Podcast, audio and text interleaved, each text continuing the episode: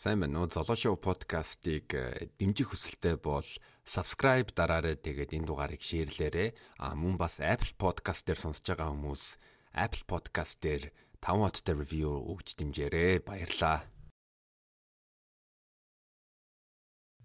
За сайн байцгаана уу эрхэм хүндэт үзэгчдээ тэгээд одоо шоугийн ээлж дугаар хүргэж өгөхөд э, бэлэн болж байна. Өнөөдрийн зочин маань та бүхний сайн мэдж байгаа Битгий сонс подкастын хөтлөгч мөн бас саяхнаас сэтгэл зүйч подкаст э, эхлүүлсэн байгаа миний сайнаас бадрал байгаа. За урилга хүлээж авсанд баярлалаа бро. Ээ сайн бацхан уу золлоо бас баярлалаа. Золлоо шоунд эцэстэн нэг юм өрсөн да. Золлоо шоу бас яваад тэр удаж байгаа лээ. Аа жил гарan болцсон байгаа. Аха Золоо шоунд бас баяр хүргэе. Одоо тэгээ жил нэг нас хүрсэнд нь оройтсан ч гэсэн тэгээд сонсож байгаа хүмүүстээ бас өдрийн мэнд тэгээд намайг урьж оруулж байгаад дахиад баярлалаа. За би чамаас би чамаас энийг асууя гэж бодож ирсэн. Одоо сая ингээ харсан чинь битгий сонс подкаст 128 дугаар хийлээ. А манай удирчид бас зарим нь мэдгүй байж магадгүй чаас өмнө радио хөтлөгчөөр ажиллаж байсан. За тэгээд одоо ингээд бодох юм бол чи ингээд подкаст хийгээд яг юу сурч ойлгосон бэ гэж э, бодож байна. За битгий сонсоос бол ерөөсөө ганц юм л маш сайн ойлгосон. Одоо ингээд бид нар чинь маш олон төрлийн хүмүүстэй ярьсан шүү дээ. Аа. Аврагч гэдэг байна уу, түүхч байна уу, амгаа ах байна уу, эсвэл одоо а бөө судалдаг хүн байна уу, эсвэл даалт үйлдэл судалдаг, улс төр судалдаг тий хууль мөлгөл маш олон төрлийн үндэсний ярьсан. Архитектур археолог хүртэл ярьсан. Тэгэхээр аа энэ бүх асуудлууд бүгд ингээд асуудалтай байдаг. Бүх салбарт асуудал байдаг. Тэгээд нийгмийн бүх асуудлуудын шийдэл нь дандаа нийгмийн боловсрал байдгийг л ер нь маш сайн ойлгож авсан. Одоо жишээ нь археолог гэхэд биш үү? Аа нөгөө юу гэдэг жоох тоноолчт ингэж хүм одоо бидний өвөг дээдсийн түүхэн маш үнэтэй олдурыг ингэж тонж ухаад хайж олонготой. Тэгээд нөгөө олдсон тэр нөгөө мөнгөөр үнэлшгүй тэр түүхэн баримтуудыг зүгээр ингэж хайлуулад хиллэж мэллээд шаачдаг гэж байгаа байхгүй. Тэгээд гадшаа гадаад гарчдаг. Тэгэнгүүт тэрийг болохоор нөгөө нутгийн ардууд мардууд тэр угцыг нэлээ энэ дэр зүгээр тоноолчд энэ мэдчихэд хэрнэдэг цагдаа модод мэдэгдэж өгдөг. Тэгээ цагдаа нар ч гэсэн ер нь археологийн юм бол нэг сэтгэл гаргаж ханддаг гэнэ эрүү мэрүүгийн юм л гүгээд хаас биш. Тэнгүүд нөгөө архитектур байна. Тэнгүүд архитектур болохоор бас ингээл арт түмний мэдлэг бас ингээл аа хэрвээ архитектурын талаараа сайн мэддэг бол улс орн нь одоо бид нэр ер нь бол архитектурын нэг улс орн эсвэл тендер авсан юм юугаар хийж байгаа шүү дээ тий Тэгэнгүүт ард иргэд бас тэрийг харж хянах эрх үүрэгтэй байд юм байна. Тэгэнгүүт тэндээс эрхтэй байд юм байна. Тэгэнгүүт тэрнээс харж байгаа за одоо эн чинь ингэх ёсгүй шүү дээ гэдгийг мэдчих юм бол уулна мэдэгдээд тэрийг ингээд тасан зогсооод ч юм уу эсвэл одоо илүү сайн юм шаардах эрхтэй байдаг юм.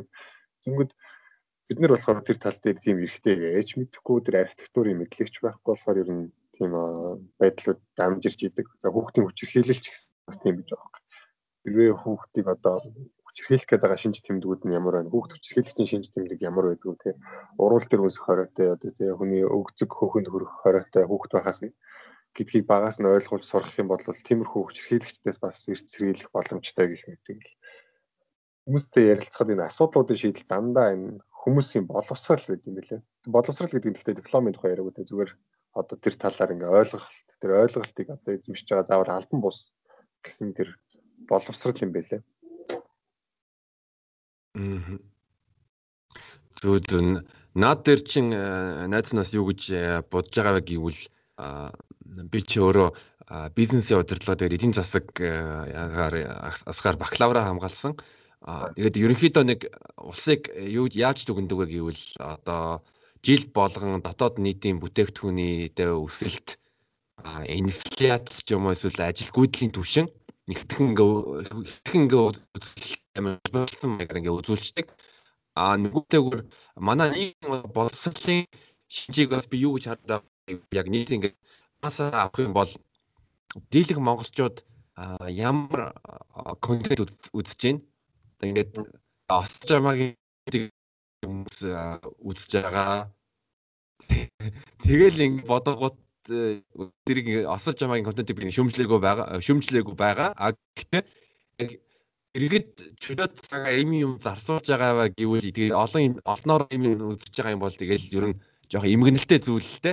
Хичнээн хуухын хуухын а хөсөн юм үзэх эргэтэй ч мөртлөө яг өөрийгөө боловсруулах юм яг тэр тал дээр яг хуухын болгон анхаарах хэрэгтэй гэж би бол маш их ер нь боддог.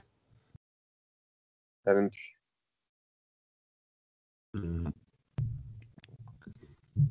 За тэр чи бол яг сая ингээ хэллээ. Одоо архи археологийн жишээ авлаа.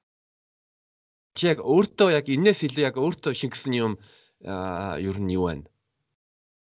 Би гэдэг үднээс. Аа бадтлыг хөгжүүлэхэд тусалсан юм уу? Аа. Оо зөндөөдөө одоо тэгэл тэр олон хүнтэй ярьж чинь тэгэл яг нэг тэр мэдлэгүүд чинь яг нэг доор ингэж авахгүй баг багаар нэг нэг нэг удаа нэг хүнтэй уулзаал нэг юм мэдж аваад тэгэл нэмэгдээл тэгэл майнд флоу нь болоод яваал хаа чинь тэгэл бодол хөгжиж л байгаа л үтэй гэж бодож. Аа. Тэгээд бас одоо паблик харилцааны талаар нэг сайн сурсан. Одоо хүмүүс яг юмыг яаж дүгнэдийн, яаж шүүдгийн ч гэдэг юм те. Тэр тал дээр бол одоо нэг хүн бол одоо лог кемт юм биш. Хүн бол сэтгэл хөдлөлийн амтэн гэдгийг ч юм уу те. Бас хүн бие биенээ яаж дагаж дүүрээдэг вэ гэдгийг ер нь бидний хийж байгаа ажлынхаа нөө фидбэкээс ер нь маш их мэдэрсэн. За битгий сонс 128 дугаар хийчихлээ. Тэгээд ер нь сүүлийн үед давтамж яагаад жоохон тийм одоо 2 7 хоногт нэг удаа ч юм уу ер нь яаж ийн Тэгээ одоо ч ер нь маш цөөхөн болчиход байна. Тэгээд яг сая карантинаас өмнө л ер нь тийм болцсон байсан л та. Тэгээд яг бид нар ч 3 4 хүний цаг нийлжиж бити сонс эхэлдэг. Тэгэнгүүт бас нөгөө хин нэгнийхэн цаг болохгүй байх магадлал ихтэй. А тэгээд а ер нь бол ихвчлэн нөгөө бата амар олон юм хариуцдаг болохоор тэгээд тэтгэн цаг цаал хартах нь л ихтэй нөгөө одоо live from хэлчингүүд тэгэл тэдний монтажинд нь явна зохиолонд нь явна тэгэл маш олон юмд явцдаг болохоор бас хомсдчихдаг. А тэрнээс гадна аа тийм бид гурав бас нэг хэсэг пауз авах уу гэж ярьж исэн карантины өмнө одоо сая карантинлж байгаа болохоор одоо пауз авах болж байгаа. Өмнө болохоор нэг хэсэг болоод зөв нэг сизнээ дуусгаад тэгээд дараа нь болох уу гэж бодож исэн. Гэтэ яг бид гурав нөө подкастер яриаг бол болохоос яг нэг тийм нэг юм би биенээс надад миний анзарч байгаа л би биенээ сонирхсан тийм ерөөсөй байха болцсон. Угаасаа нэг тийм би биенээс залхацсан нэг юм хасууд нэг удахаараа нэг хямрал юу гэдэг штэ тий. Аа тэр шиг болцсон юм шиг санагцсан нэг юм. Би биенээсээ сонирхож өмнө яг ингээд сонсоход гурвалхна дуурайд амар зөвүүн тийм юм ярьдаг байсан баг. Одоо тэгэл нэг тийм тийм гурвалхтан дугаар гэхээр нөгөө хоёр маань ч нэг дуртай байхаач болцсон юм шиг санагцсан. Тэгэл нэг хэсэг л яг хав гэхдээ энэ давтамж цөөхөөс өмнө ч гэсэн нэг хэсэг нэг юм хэдүүлээ саяны дугаар дээр ирсэн нэг өмнө ярьсан билүү яатсан билээ гэл юм яриад давтагдах гээд байгаа юм шиг нэг тийм юм байгаа. Тэр нэг юм шинжилэл маягаар л эсвэл нэг хэсэг завсарлах нь бас зөв санаа байсан гэж би бодож байсан. Яг хийхгүй ингээл удахаар бас болцсон байгаа гэд бодохоор бас ийм гоё контент хийдэг байсан. Тэгээ ийм олон хүнд хүрдэг байсан гэж бодохоор бас тэрийг буцаж хиймэр санагдаж байгаад тэрийг нэлээд цоглуулж байгаад хийвэл бас хоёр оронд ингэж байжсанс дээр байсан ч юм уу гэж бодогдох. Тэгэхдээ одоо яг карантин үеэр бас хэлэх контент сайн их хэрэгтэй байна л та. Зөв би бас одоо жишээ нь бит хоёр кексиг сизон 1 нэгдүгээр улирлыг дуусгаад одоо баг 2 7 хоног илүү 3 7 хоног завсарлаж байгаа. Тэгээ өшөө нэг 2-оос 3 7 хоног завсарлаад яг өмнөх ажлууд өмнөх өмнөх өмнө хийх хэвээр нэг хэдэн ажлууд байгаа. Тэрийг дуусгаад ер нь подкастаа эхлүүлэе гэж байгаа. Аа тэгээ би бас юу гэж бодож байгаа гэвэл ер нь зарим тохиолдолд ер нь завсарлах амар тийм эрүүл байдаг. Ягаад гэвэл банк нэг юм ингээд бүтэн жил жишээлбэл ингээд подкаст игээд нүдэнгүүд аа хүнийг жоохон тийм хайрцагт орчдөг. А тэрний оронд зүгээр нэг хэсэг хугацаанд завсарлаад аа илүү шин нэг тийм шин сэтгхүүтэй ч юм уу эсвэл жоохон тийм амарчсан байдлаар эхлүүл бас зөв гэж боддог.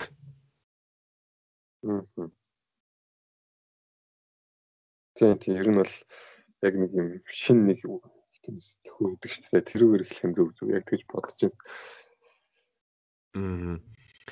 Аа бас нөгөө яг сэтгэл зүйчийн 2 дугаар дугаар дээр а яг танаа зочин багш чинь юу гэж хэлжсэн бэ гэвэл амар бизнесменийг таньдаг. Тэгээд тэр дээр бизнесмен бол өдөр шөнөгүй шахуу ажилтдаг. Тэгсэн мөртлөө жилд нэг удаа бүр бүр нэг хөдөө ямар ч гар утсахгүй юу чгүй ингээл өөрөө баг бүх юм аагээд галд хүлээд ч юм хоол моол хоол моол хайж майгаад нэг тиймэрхүү маягаар нэг 2 7 нэг амьдарж байгаад зэрлэгээр амьдарж байгаад тэгээ буцаж хот руу ирээд нэг тийм тиймэрхүү амралт маяг юм хэрэгтэй л ахаа л гэж би бодож байна. Тэр нь бас хүнд бол тийм байх хэрэгтэй. Нөгөө бүр нөгөө покерын ном номон дээр хүртлээд чи нөгөө Дойл Бронсон гэдэг нөгөө чи мэдэх байх та покер ч юм байдаг шүү Мэдгүй юм байна. Техасын хүүхэлтэй гэдэг очтой юм өвгөн байдаг. Одоо баг бас орцсон ч гэж магадгүй зааж. Нилээн нилээн хөгшүүн байд. Тэр ингээд аа ер нь яг залуудаа нөгөө хорт хавдар тусчаад тэгээд ер нь найдлаггүй гэж бодоод тэгээд заа заа ер нь сайхан үлцэн амьдралаа жоохон под ортой юм хийгээд энэ тэр нөгөө покер хориотой. Тэгээд энэ тэр нууцаар их тоглож явдаг гэсэн. Тэгээд тэрийг юм тоглож явж байгаад тэгээд нэг удаа шинжилгээ үзүүлсэн чинь хорт хавдар бүрээ харилцсан байгаа. Тэгээд ийм урт насалсан юм баггүй. Тэгээ тэр болохоор ер нь покер дээрээ ч гэсэн ер нь бол домог болсон. Тэрний нэг номны нэг бүлэг дээр болохоор яг зүгээр юм амрал тэр хүний ном гэхдээ их сонирхолтой. Яг нэг бүлгэн зүгээр юм зүүн совин гэдэг байгаа. Нэг болохоор зүгээр юм амралт гэж байна. Тэгээд 2-7 хоногийн амралт хэрэгтэй. Тэгэл 2-7 хоног нэг арал дээр ч юм очиод амар тэ эсвэл зүгээр хөдөө ч юм очиод амар. Тэгэл тэр хооронд хамгийн гол нь ажиллаа өгөх. Ямар ч ажил зүгээр л амрахтай төлөх хэрэгтэй. Тэр манайхан бас яг амарч чадахгүй те ингээл хөдөө байж та нөгөөдөл рүүгээ яриад яаж ингэж ингээл асуугаал нэг тийм амарч чаддахгүй ч байх шиг санагддаг. Тэгээ би бол яг тэр номыг уншснаас хойш хөдөө бол их сайн амарч чаддаг.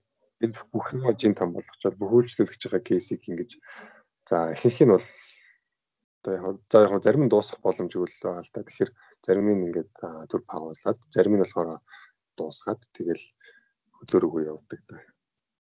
Тэгэхээр бас сайхан байдаг шүү. Тий. Тэгээ чи бас хөдөөгөр бас аялахт бас гоё аялж байгаа гэж би бодоод байгаа. Сторинуудыг харангуут чинь тэгээ нэг хээлзээр мөфлэг балонцсон юм уу эсвэл нэг өдөрний хүмүүстэй бас нэг гоё. Ер нь ер нь хөдөө явахдаа ер нь яаж амардаг вэ? Яаж яаж амрахыг ер нь хүсдэг вэ?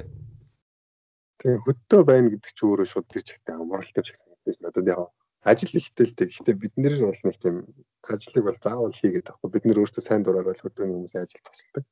Аа тэгвэл хөдөө очиод юу амралт гэдэг тэгэхээр цэвэр агаар тэгээд хоол нь тийм цагаан идэ мах тэгэхэр чинь бас юу гоё хоол аваад ийм цагаан цэвэр агаар толгой амраа. Тэгээд тэр нэг юм одоо давчмаг биш нөхцөлд ингэж хараа байна гэдэг бас тийм амраа тийм шиг санагддаг шүү дээ. Одоо ийм харахаар ингээл бид нар чинь нэг юм хэдхэн метрийн радиуст л хараад байгаа зү нэг хэдэн 100 м тэгэхгүй л тэр ингээл харахаар ингээл барилга байгаа л уул нь яг Улаанбаатар хотын төлөвлөлт болохоор одоо төв талбайгаас урагшаа богдуул руу нэгт харагддаг байхаар төлөвлөж хийсэн юм байлаа л да нөгөө тийм айл маягийн тэр хавийн одоо драмын театр, дүүрийн театр энэ төр чинь нийлээд драмын театр биш үү?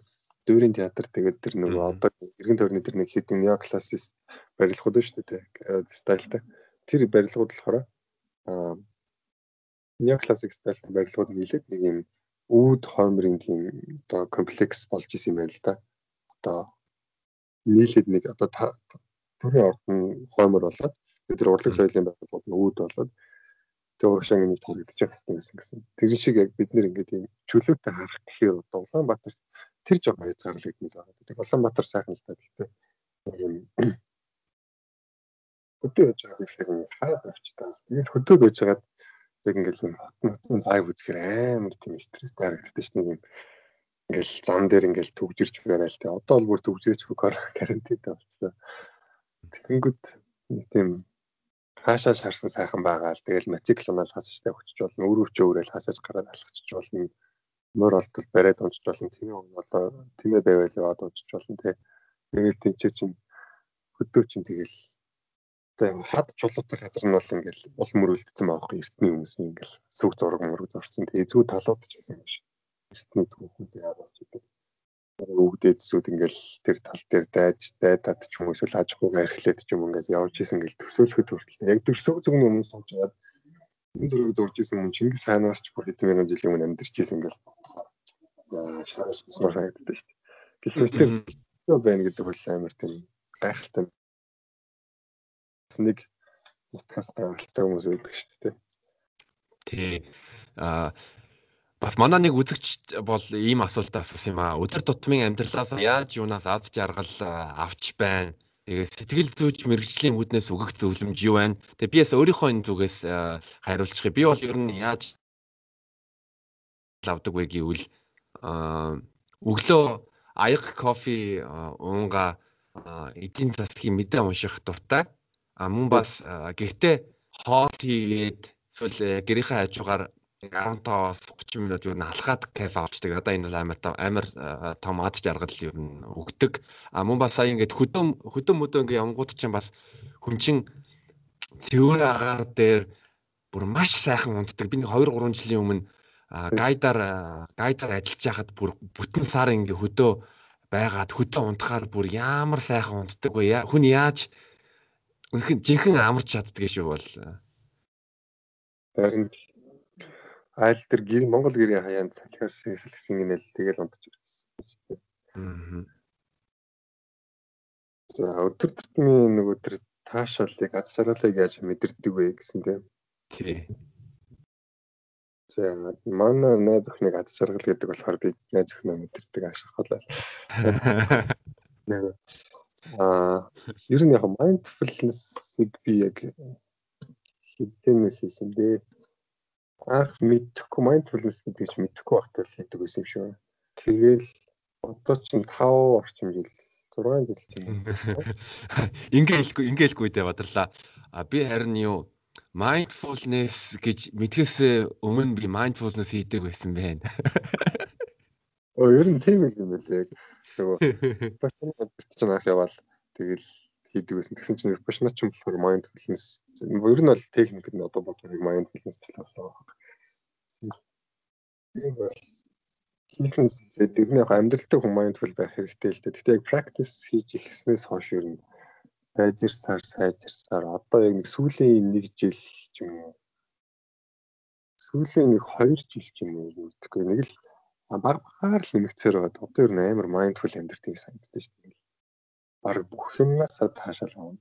Яг бүгд тийм төгсөрцөн гэгэрсэн тийм сэтгэл зүйн зовлонгоо биш л дээ. Угаасаа тийм хүн клиник сэтгэл судлаагчтэй бүр амар одоо доктор профессор болоод ч тэгж бүр ангиж ингэж байхгүй хоо.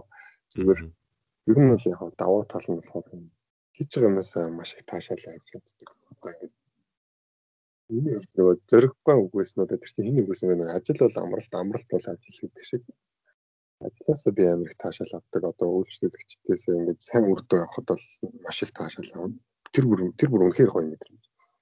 А тэгээд мэдээч бас ингээд заримдаа ингээд нөгөө жоохон ажлын маань үр дүн ч юм уу тий буурах тохиолдол. Тэр үед би өөрийгөө амар өөртөө амар хэцүү монтхоо амар урам хуурдаг юм. Тэгээд тэр одоо нөгөө физик одоо үргэлжлүүлэх юм уу тий үн төлбөр хэрэгжүүлэх юм уу ямар нэгэн байдлаар ингээд гэхдээ яг засаглаас нь болохоор хоёр хүний ажил болохоор ер нь хөвчлэн нөгөө тийм юм амар indifferent шинж тэмдэг илэрдэг бас сэтгэл зүйн асуудлууд байна л да нөгөө нэг.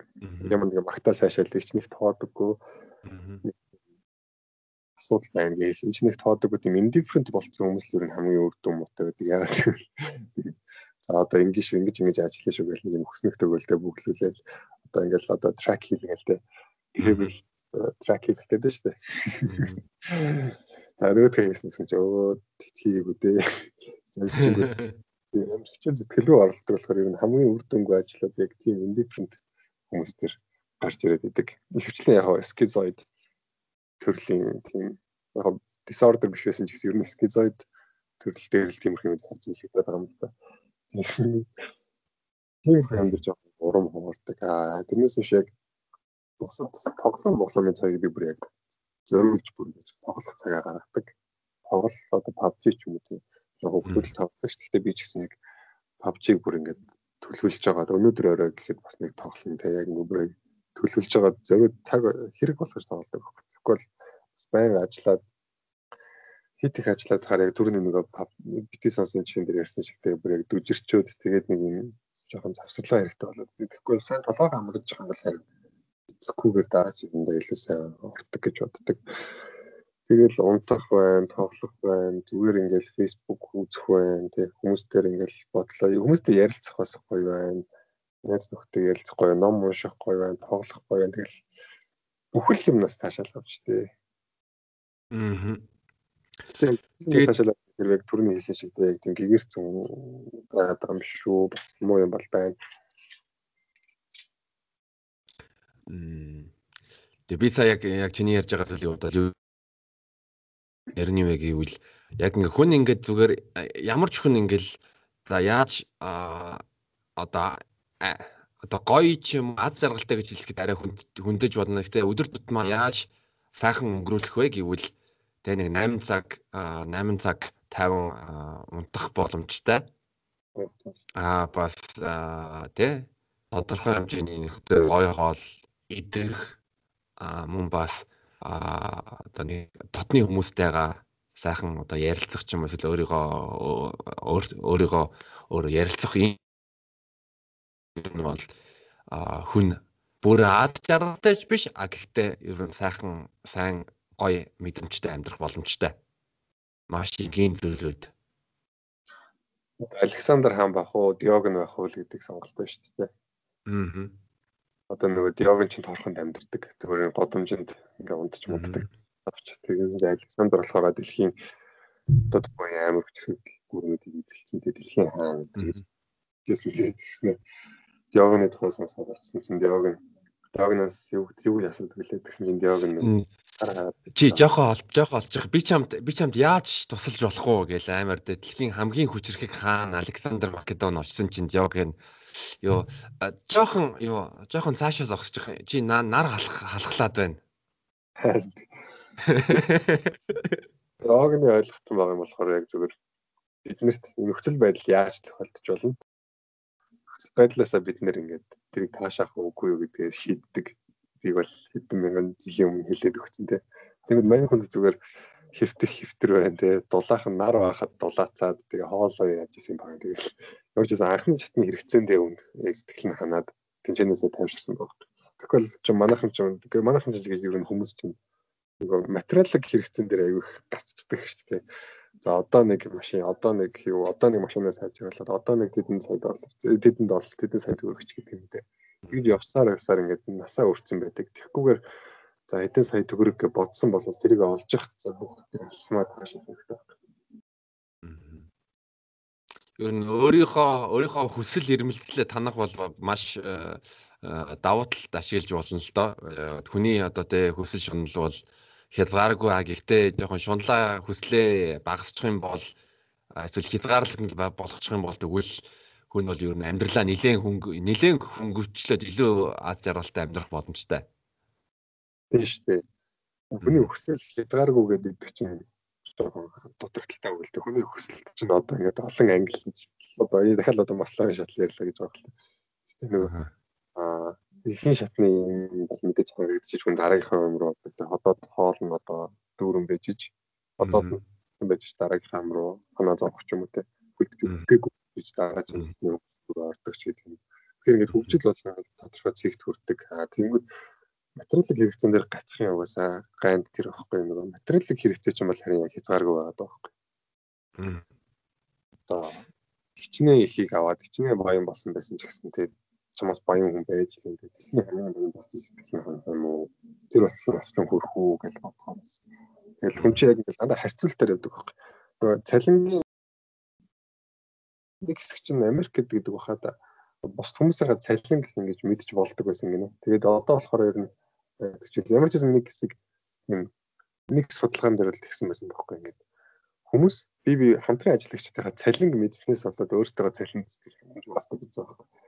Тэрний нэг яг өөртөө адилхан гэж үнэлдэг байсан хүн өөрөөс нь илүү цалин авдаг байх юм бол өөрийнхөө цалинд шууд ханахаа болчих жоох.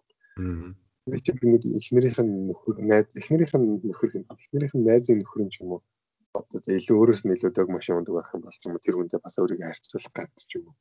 Гэл дандаа харьцуулж л ингэж яваад байдаг. Тэгэхээр материалыг хэрэгцээ бол яг нөө сүүлээ хөөж байгаа нохотой адилхан те ер нь хөөгөө төөгөө дуусахгүй болохоор материалыг хэрэгцээнд бол эрт сэтгэл ханаад дараагийн одоо өөрийгөө хөгжүүлэх ч юм уу тэр илүү дээд түвшний хэрэгцээ рүү анхаарах анхаарах юм бол хүн цагаа хэмнэх юм шиг санагддаг. Тий, тэгэхээр яг манай үзэгч сонсоод бас э, энэс юу аваарэ гэвэл ер нь хүний хүсэл хязгааргүй шүү. Харин хүний эхнэрийн хүсэл нь бүрч хязгааргүй хаа. Хүний хүсэл хязгааргүй эхнэрийнх нь хязгааргүй шүү. Яа амар. За а одоо сэтгэл зүйч подкастын 5 дугаар хийсэн байгаа. Би бас яг сая гадаа нэг 30 минут алхаж байхдаа бол 5 дугаар ангийн эхний хэсгийг нь бол сонссон байгаа. Тэгээ сэтгэл зүйч подкастыг хизээ хийж эхлэе гэж бодсон бодсон бэ? Аа сэтгэл зүйч подкаст би яг нөгөө сараар нь баг хэлчих чадсан. Яг тэгвэл би сая саяхан нөгөө энийг олж үзлээ л дээ. Би нөгөө гинтл сая би нэг хэсэг хэдэн сарын өмнө 2 3 сарын өмнө штэ батад хэлээл. За би одоо ингэ мэрэгжлийн подкаст юм байна. Net podcast solution хамтрах боломж юу байна гэж яриад. Тэгэл яга батаас тэгэл ингэж ингэж болно гэж тохирч байгаа юм. Тэгээд подкаст хийх айгүй хурдан хийгдгэр болсон да айгүй баярлсан. Тэгэл айгүй хурдан нөгөө студент бэлэн болохоор тэгэл сайхан гоё чанартай дууралттай студ хэр хийгээл ихэлсэн. Тэгээд яг нэг шиний мэхлэн гэдэг чинь нөгөө түрүүний фрэш юу гэдэг шиг би анх бицээ сонс дээр бас ингээл яах вэ их үгээл янз бүрээр хөгжүүлэх гээл ингээл баа хангалгаа ажилладаг байсан тэгэл тэр нь ингээд нэг тийм дэмжигдэхгүй байгаад гарч юм уу эсвэл ингээд цаг хугацааны аясаар тэр нь замфраад идэг ч юм уу ингээл янз ямар нэгэн янз бүрийн шалтгаанаар тэгэл тэр болчихсон байгаа юм да одоо бодоход эсвэл жоохон өөд аваад ч юм уу гэх мэтэр тэгсэн чинь одоо сэтгэл зүйч подкастыг бүр ингээл архилж явахдаа бүр ингээл амар бүтээлч ярьдээ интрог нь би 5 удаа хүнээр хийлгэсэн дөрөв удаа үнээр хэлсэн. Тэгээд тавтахын өөрөө хийгээд тэгээд нэг яг нэг хаяг чинь бас яг ийм юм яг ийм хэлгмэрний төгсөлөд аягүй хэцүүдэг. Тэгэхээр хүнээр хэлэхээр хэцүү. Тэгээд нэг яг л болохгүй байгаад байдаг. Тэгээд нөгөө хүнээ ядраагаад өөрөө ч жоохон тэрэндээ ойлгохгүй байгаад тэгээд лого хэлгээл тэр нь аягүй хичээгээд хийгээд байсан.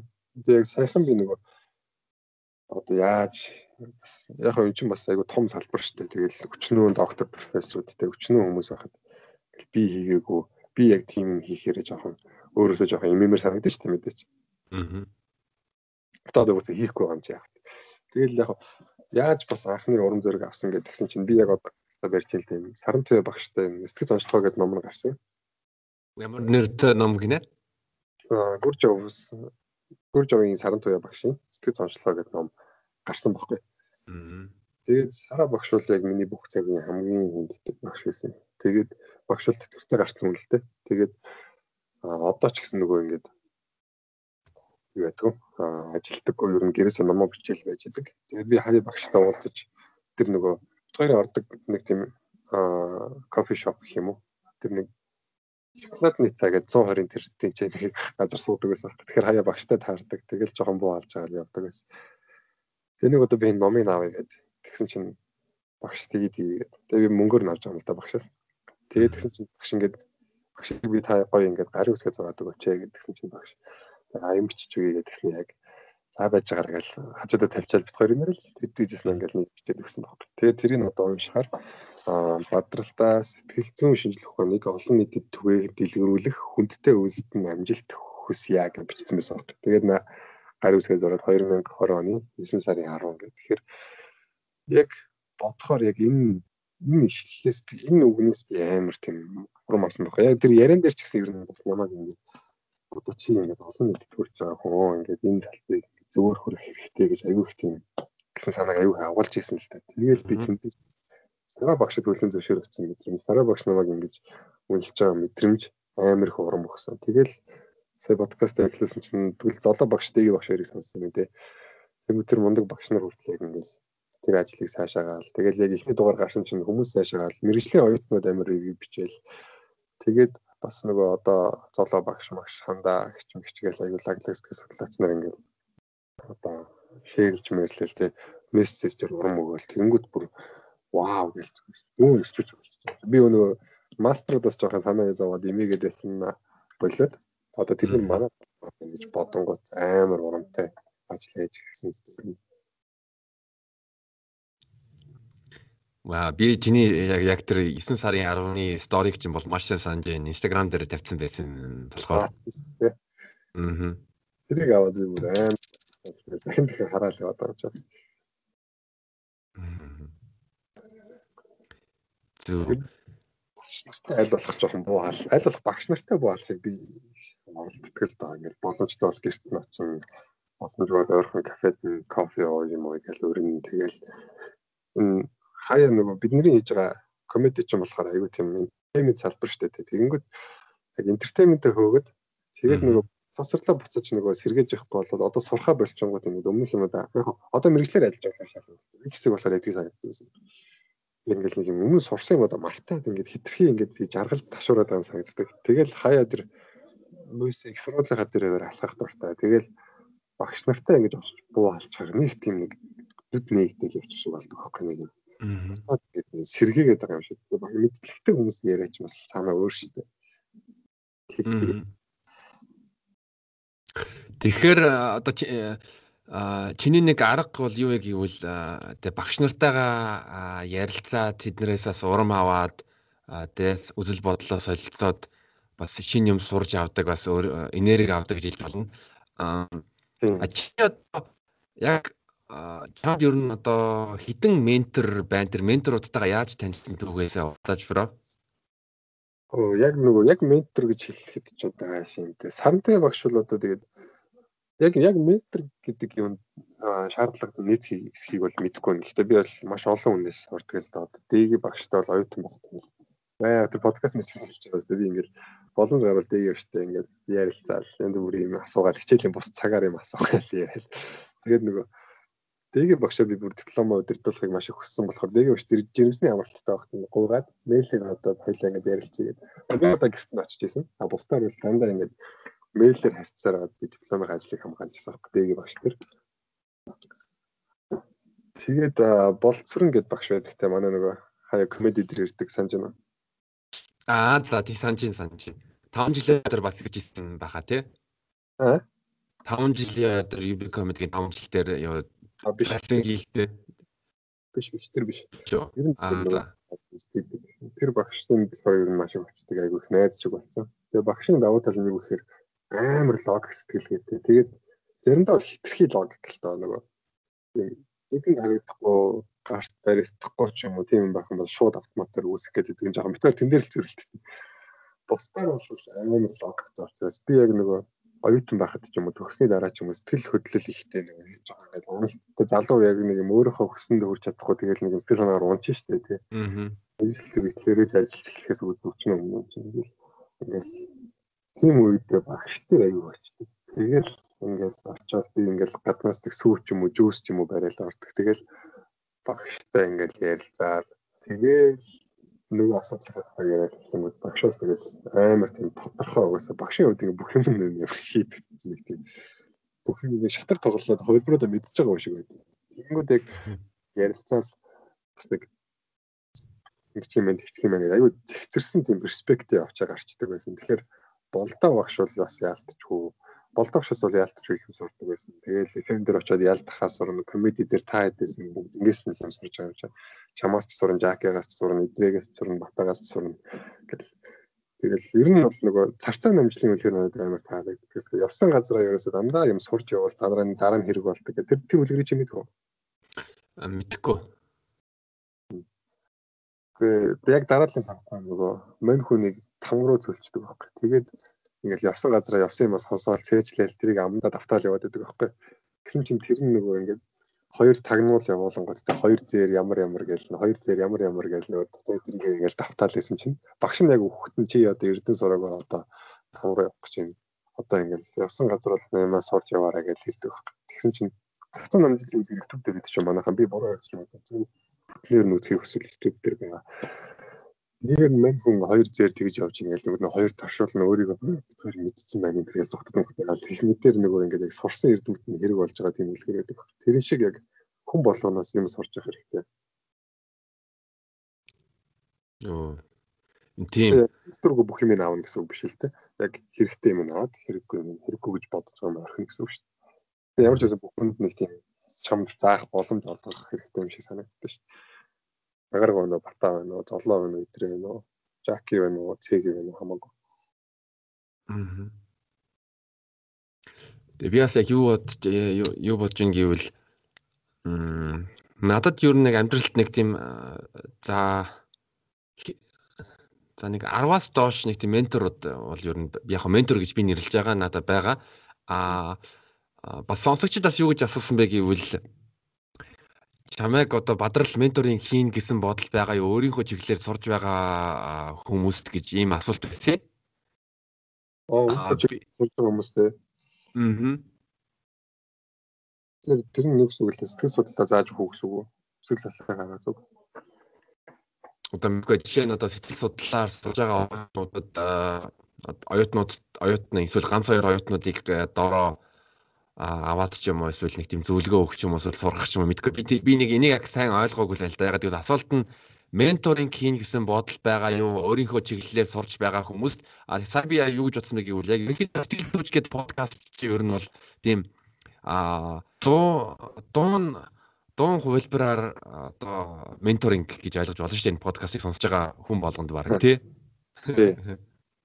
Яг нөө менторинг надаас бас нэг хүн ингээд чи ингээ миний ментор болохгүй би ингээ чамаа чам дээр ингээ цаг аваад уулзчаамаар байна гэсэн байна. Тэгэхээр би яг энэ сэтгэл ажилч юм менторинг шал өөр юм байдаг шүү. Би бол одоо менторинг тэр бол надаас бүр ингээ хамаагүй ах хүн байсан л да. Тэгээд ингээл амьдралынх нь хөвшил фэйсбүүкээр найз харахаар ингээл амар лаг спортлогтэй ингээл лаглах байна. Тэгээд надаас ягаад чи менторинг авъя гэж ботсон байсан. Тэгээд би ангууч ангууч өгөхгүй юу? Тэгээ би яг энэ ажилчин бол яг энэ сэтгэл заслын одоо ингээд ажил хийж би сэтгэл заслын ажлыг яаж хардаг гэхээр хүний нөгөө ингээд дөрөв чөтөр морийг ингээд чөтрлчөөр нэг ингээд нэг явсан газар л эргэлддэг шүү дээ. Тэрэн шиг сэтгэл зүйн зан төлөвийн ч юм асуудлууд байвал тэд нэрийн дээр нь ажиллаж өгөх нь тэдрийг тайлж өгж байгаа адилхан. Тэгээд тэр морь өөрөө хаашаа тавихаа өөрөө мэднэ. А гэхдээ бас яг одоо яг тэр нь хангалтгүй болоод одоо позитив psychology руу жоох ороод тэ одоо тэр хүний зорилго чиглэлийн юм гэж гэдэг. Тэр хүний одоо өөрийгөө таних тал дээр туслаад Тэгээ нөө Виктор Франклин хэлжсэн шиг тэгээ одоо зорилго чиглэл рүү тэмүүлүүлж орох. Тэгээ минийхаар бол бүр ингэж потенциалын тултал мэдрүүлэх хэрэгтэй гэж боддог байна. Одоо би өөрөө ч гэсэн ер нь тиймэрхүү юмуд хийж байгаа л да. Хийж хэлж байгаа л да. Тэгэхээр яг тиймэрхүү байдлаар л ажиллан дэрнээс шиг ментор гэдэг юмыг бол би хийх болоогүй гэж боддог. Одоо би өөрөө бол ментор хүмүүсээс авч явах цаг нэг боддог хүмүүсээс яг хүний амьдрал тал дээр мэрэгчлийнхаа ямиг бол яг хөө хийчин тэр чинь нөгөө яг угаасаа DSM дээр ч байж байгаа. Ер нь угаасаа ингээд багш нараас асууад ч юм уу. Цадахгүй байл ингээд сурч болохоор тэрийг болохоор яг хөө ингээд наснаас хамаарахгүй хийж болно. Менторинг хийхэд бол жоохон бол яг подкаст яаж хийх вэ гэдэг тал дээр ч юм одоо би нэг аягүй туршлагатай болсон шүү дээ. Тэн дээр бол хийж чадна.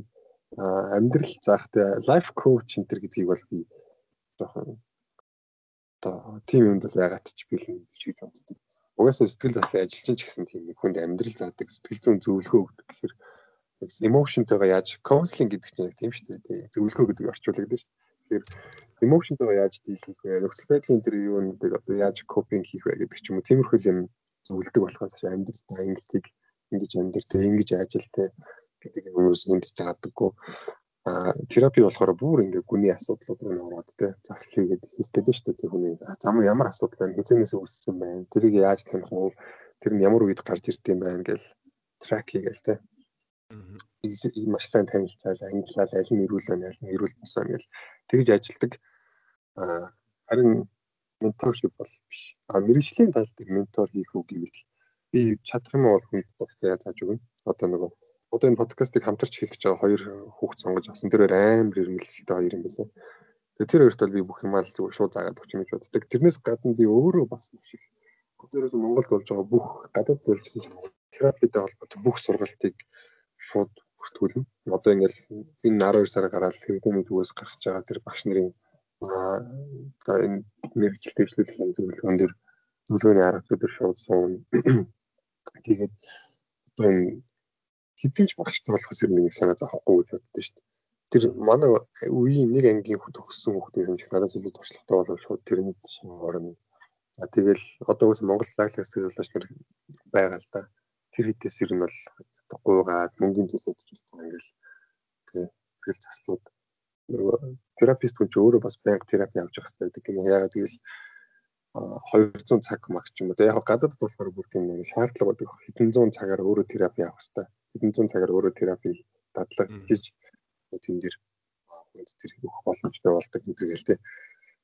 Тэнгүүд яг Монгол чиний яг наад гэж ярих юм бол нэг юм хичээ яг менторинг гэдгийг а дуусах гадар бас заримдаа хүүхдүүд ингээд а би та миний одоо тийм ментор болооч а тэгтээ бас юу юу хэлмээр байгаа гэвэл аа надад нэг дээр үе нэг тийм зүүр цэцэг байдгийг аа сурагч бэлэн юм бол багш нь гараад ирдэг. Надад бас юм юм тохиолддог. Би нэг би нэг за нэг ийм юм сурах юмсаа гэж ингээд бодож явах үед бүрээ амар тийм а одоо анхааралтай эсвэл тийм фокустай ингээд тэрийг бодож явах үед надад тийм багш нь гинт гараад ирждэг тийм тохиолдол надад байсан. Яг үнэ. А а гэхдээ а нэг нэг хүнээс чи яг юм сурах гээд байгаа юм бол жишээл ментортой болмоор байгаа юм бол би бас өмнө өөрийнхөө анхны подкастнда ярьжсэн а тэр ментортой хэрэгтэй зүйл одоо үнцэн авчир одоо жишээ нь золошоо подкастн дээр надад нэг хоёр одоо дүү хуурай дүү байгаа нэг нь бол юу вэ гэвэл минь надад одоо ингээд надагаа их тусалж өгдөг а бол амар үнцэнтэй зүйл хийж байгаа. Нөгөө дүү маань яадаг вэ гэвэл одоо энэ фиднууд татаад өгөөд тусалж байгаа. Тэгээ энэ хоёр хүмүүстэй над руу ингээл янз бүрийн асуудал гаргангууд нь жишээлбэл над руу ингээд холбоод чөлөөтэй холбогдох боломжтой. Би бас аль болох тултал нь тусахыг туслахыг эсвэл одоо мэдлэг янз бүрийн юм дээр бол дэмжихийг бол хүсдэг. А тэгтээ энэ бол маш чухал. Ягаад гэвэл зүгээр нэг инстаграм руу бичээд а тэгэнгүүтээ та миний ментор болоод цаг аавэ гэж ийм нөхцөл байдлаар бол ер нь тийм тийм ментор менти гэд харилцаа бол ер нь үүсдэг. Сүүлийн үед нэг монголч нэг 2 жилийн өмнө тэгээ нэг менторын хөтөлбөр гэж яваад байгаа. Тэр чинь гэхдээ нэг мөнгө төлөөд ч юм уу жоохон ерөнхийдөө тийм хүний нөөцийн бодлого л доо ингээл нэг хідэн 200 300 хүүхд цуглуулж байгаа л менторингийн өдөр зохион байгуулад тэнгуут нь компаниуд тэгээ компани болгоноос одоо гол банкас ч юм нэг мундаг компаниас нэг хідэн одоо чадварлаг эсвэл арай нэг олон танигдсан хүмүүсээ тэнд аваачаал тэгэнгүүтээ ирээдүйн ажилчдаа ер нь ер нь олох тийм бодлого байхгүй дээ ер нь менторинг гэж нэрлэдэг байгаа менторинг өдрлөг менторинг хөтөлбөр а энийг л хэлчихсэн ер нь бол ер нь бол сурагч бэлэн бичиж шав бэлэн бэлэн гэдэг чинь үнэлтэй угаасаа нэг удаа би ингэсэн одоо нөгөө тэр сэтгэл зүйч подкаст тэр эхлээд бурмаа гэдэг нэг охин хөтлөж байгаа. Аа. Тэр охинд би яагаад ингэж хөтлөж болох боломж олгоё гэж бодсон. Тэгэхээр нөгөө миний ажлыг амар тийм тэтгэлээсээ хийдэг байсан л да. Одоо манай би ингээд манай үйлчлүүлэгчид нэг надаас код аваад тэгээд тэр кодоор ингээд асуулга бүглэнгүүд манай тэр нөгөө бурмаа дээр болохоор нэг юм тоо тоотой асуулга 800 одоо 10 гэдэг ч гэдэг нь өөрсдөө чинь код очиж шүү дээ. Тэгэнгүүт тэрний хариултыг боловсруулаад над руу явуулж өгдөг байсан. Амар стрессээ өгдөг байсан болохыг авч ирсэн. За өмнө нь бас нэг хүүхд тэгж хийж өгдөг байсан. Бурмаагаас өмнө. А тэгээд тэр бас ихтэй ажиг хийж өгдөг. Тэгээ би нэг удаа ингээд тэр надаас ингээд юм нэг арга зүг сурах гэсэн бохгүй нэг онцлог нь. Тэр би хатад дагаад өгч явж дээ. Өөрөө би тэр аргыг сурах гэж бүр өчнөө юм бол сурсан ч гэсэн өчнөө хүнд ингээд ер нь бол маш их цаг руу зарцуулж хийжтэй яриа гэж сурч авсаар хүүхд би зүгээр л лагалж гэж байна. Тэгэл заагаал ер нь бол өгсөн. Тэгээ манай гэрт тэр хүүхд ирээд ингээд маш сурч ирсэн надаас. Тэгээ би ингээл хоол молоо хийж идэнгээ ингээл тэр арга зүйнүүдийг яриад асуулгаал өөрөөр нь ингээл тест хийлгээл ингээл янз бүрийн болоод асууж байгаа.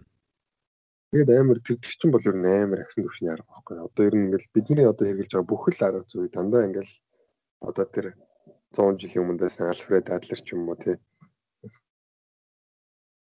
баацсан тий скиннер тий сүүл рүүгээ ингээл одоо хийх юм байна. Тэгээ RMB Альберт Элис ч юм энэ сэтгэл зүйчдийн гаргаж ирсэн одоо нэг түүнүүдийн үр дүн дээр би үүдсэн болохоор ер нь яалтч маш сайн мэдээллүүд авагдсан байна бид нар. Тэгмэр амар агсан төвшний мэдээлэл зааж өгч Тэгэл ингээл ярихад ингээд зарим юм амар ойлгомжтой мэдэхгүй байгаадсан байхгүй ингээд мэдэх хэрэгтэй юм да. Аа. Тэгээд бодруулаад ингээд асуугаад тахаар бүр ингээд зүгээр Фройд юунгач мэдэхгүй явжсэн. За психоанализ гэдгээчсэн хэлээд. Тэгэнгүүт ингээд бид тэр баах юм зааж өгсөндөө шал тэнийг яг ингээд энэ хүүхдээ түрүүнээс хойш юу ойлгоод байсан. Тэгээ яг ингээд аа за ааха ааха гэсэн баг. Тэгэхээр нэг ингээд ойлгож байгаа юм. Тэгэл л асуухаар ингээд мэдэхгүй юм заа. Тэгэл яг тодруулаад ингээд амар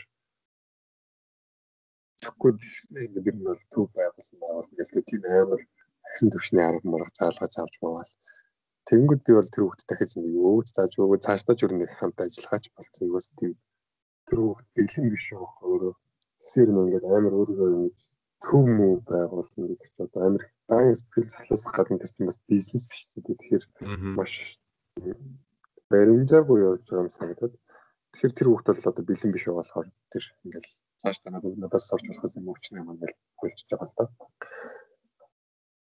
Аа. Одоо тэгээд яг хамтарч ажиллаж байгаа хоёртой бол би зүгээр өөрөө хамт чадах бүх юмудаа дуртай яа зааж өгнө. Аа тэгээд өөрөө би яг тийм төгсөрцөндөө ч биш зүгээр яг одоохондоо олж авсан бүх юмаа бол дуртай яа зааж өгнө. Тэгжиж эн чинь яг энэ салбар одоо л ер нь хөгжих юм санагддаг шүү энэ салбар ер нь Монгол. Аа. Тэгэхээр одоо бас манай сонсогч нар одоо жишээл ментортой болох хүсэлтэй гэж бодё. Хэрвээ ментортой болмоор байгаа юм бол тэр ментортой тусал эхлээд тусал тэр ментортой үн цэнтэй зүйл хий. Тэгжээж тэр ментор чинь одоо чамтай чамд туслах хүсэлтэй болно. Түүнээс бол зүгээр шууд холбогдоод та миний ментор болооч нөгөө нэг юу Fight Club-ийн алдартай стен гэдэг чинь тэр гэрийнхэн гадаанд баах хүмүүс ингээл зогсоод байгаад ээж идэг те бор орсон гэсэн ингэ зогсоод хүлээгэлээдэг те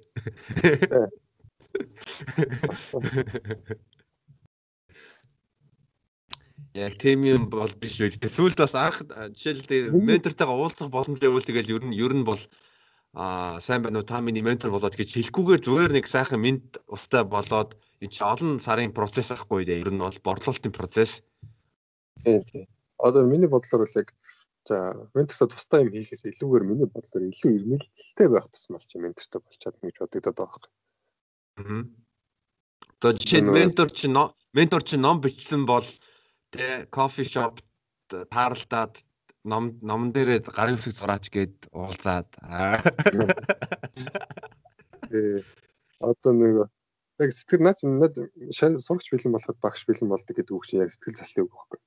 Ерөөс үйлчлүүлэгч өөрөө л бэлэн биш бол Өөдөн баг бид нэр тэгж зааж өгöd гэдэгсэн одоо ингээ та нар төлбөрөө өндөр байх хэвээр төлбөр өндөр авах хэрэгтэй гэж хэлсэн. Тэгээд бидний төлбөр авч байгаа энэ багшд яг ямар хамаатай юм бэ? Яагаад гэвэл асуухаар одоо төлбөр өндөр байжж яг тэр чинь давч яг нөгөө эрмэлзэлтэй хүн яг жинхэнэ мөнгө цуглуулад мөнгө бэлдээд ч юм уу танаас одоо тэр төлбөрийг төлөөд тэгээд цагаа зарцуулаад уулздаг. Тэгэхгүй бол нөгөө угаасаа бид нар хэлсэн чинь нөгөө терапи чинь нэг хүний биш хоёр хүний ажил учраас Нэг нь найз, нэг нь найз. Үйлчлэгч нь өөрөө цаа чинь би ч мөнгө тасчих одоо намайг гэдгийг идэх гэсэн хандлагатай байх юм бол ер нь бол аа амжилтанд нэг сайн хүрэхгүй шүү дээ. Терапи чинь бүөн ажил واخгүй одоо ер нь нэлээд ирмэлтэй байж иж байна.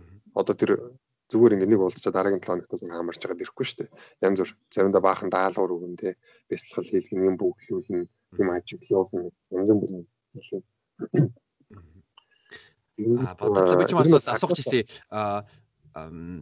жи манай сонсогч нарт яг сэтгэл ямар төрлийн сэтгэл судлаач судлаач юм бэ тэгээд ер нь дипломын ажилчин ямар байсан юм бас одоо ингээд сэтгэл судлаачаар ажиллаж байхдаа сэтгэл заслыхтэй ер нь ямар төрлийн сэтгэл а ямар одоо тохиолдлууд дээр ажилтдаг вэ? Ямар төрлийн сэтгэл үг нэ? Ямар төрлийн сэтгэл юм бэ? Ямар төлөв? Аа за окей. Тэгэхээр болохоор дипломын ажлаас эхлээд ярил л та тий. Аа миний дипломын ажил болохоор би ер нь танин мэдхүйн сэтгэл судлалыг оюутан багтаа их сонирхдаг байсан. Аа тэгээд оюутан багтаа одоо яг тэр нөгөө 5 дахь дугаар дээр орсон золоо багштай нэг удаа маргацсан их сайн санд. Ер нь бол тэр тал дээр дандаа зөрчилддөг байсан л та. Ингээд одоо ерөөсө төгсөөд шууд ингээд та нар зөвлөгөө хийж чаднаа чадна гэж бодож байгаа нь ажиллаа гэж дулаан багш хэлдэг байсан л та. Тэгээ би тэрнтэй юу вэ багшаа тэгээ эн чи одоо Монголд лайсенс гэж юм байхгүй аа тэгээ тэгээ энэ одоо болох хэрэгтэй байна. Тэгээ одоо хин дуртай төгссөн бакалавр төгссөн болон сэтгэл зүйн хийж чадахгүй. Тэгэхээр би ч гэсэн одоо яг өөрийгөө тэгж чадна гэж бодохгүй байна. Тэгвэл багш ингэж амар коммунист хүн л дээ энэ чи чадна. Тэг өөрийгөө яг мэдэхгүй. Өөрийнхөө потенциалыг мэдэхгүй байна. Одоо яг шууд интернет байна, англи хэл байна. Чи ингэ сурыг гэвэл бүх юм бүх юм чиний өмнө нээлттэй байна шүү дээ. Яагаад ч өөрөө чадахгүй байдаг. Гэхдээ багш энэ чинь бас амьдралын туршлага хэрэгтэй. Тэг хүний амьдрал сэтгэл судлал чинь маш чухал ажил. Хүний амьдралаар амьдралыг магадгүй буруу өргүүлчихвэл яах вэ? Гэл тэгэл маргаал гэдэг ус. Тэгэл би болохоор яг сэтгэл зас мастер руу ер нь нэлээд хөгшөрсөн санаа өөрийгөө орж байгаагаар төсөөлдөг байсан. Аа тэгээд одоо болохоор яг нэг нөгөө тийм танин мэдэх сэтгэл судлаад амар сонирхолтой төсөл. Би яг хүнс нөө сэтгцэн алдаанууд өгдөн шүү дээ. Нийтлэг тийм distortion эсвэл bias үүд ч юм уу те фантазинууд их суд.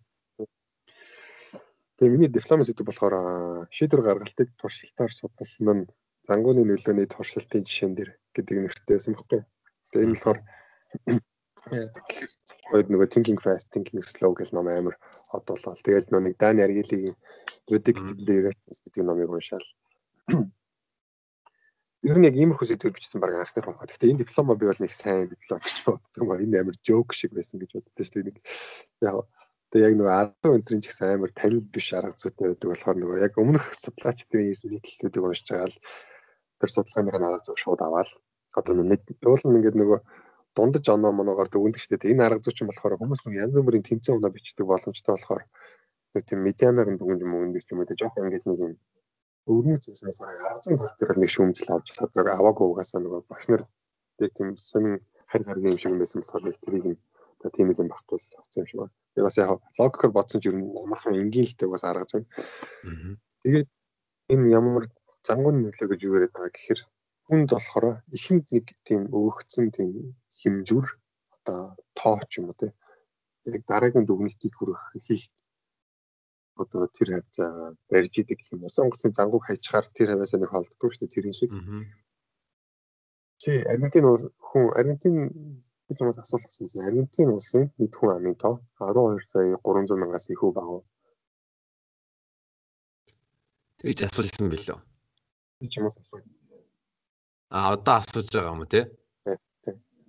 За яг уу одоо за 12 12 сая 300-аас дээш. За чиний бодлоор хэд хэдэн хүн тань? За нэг 15 гэж хэлчихье.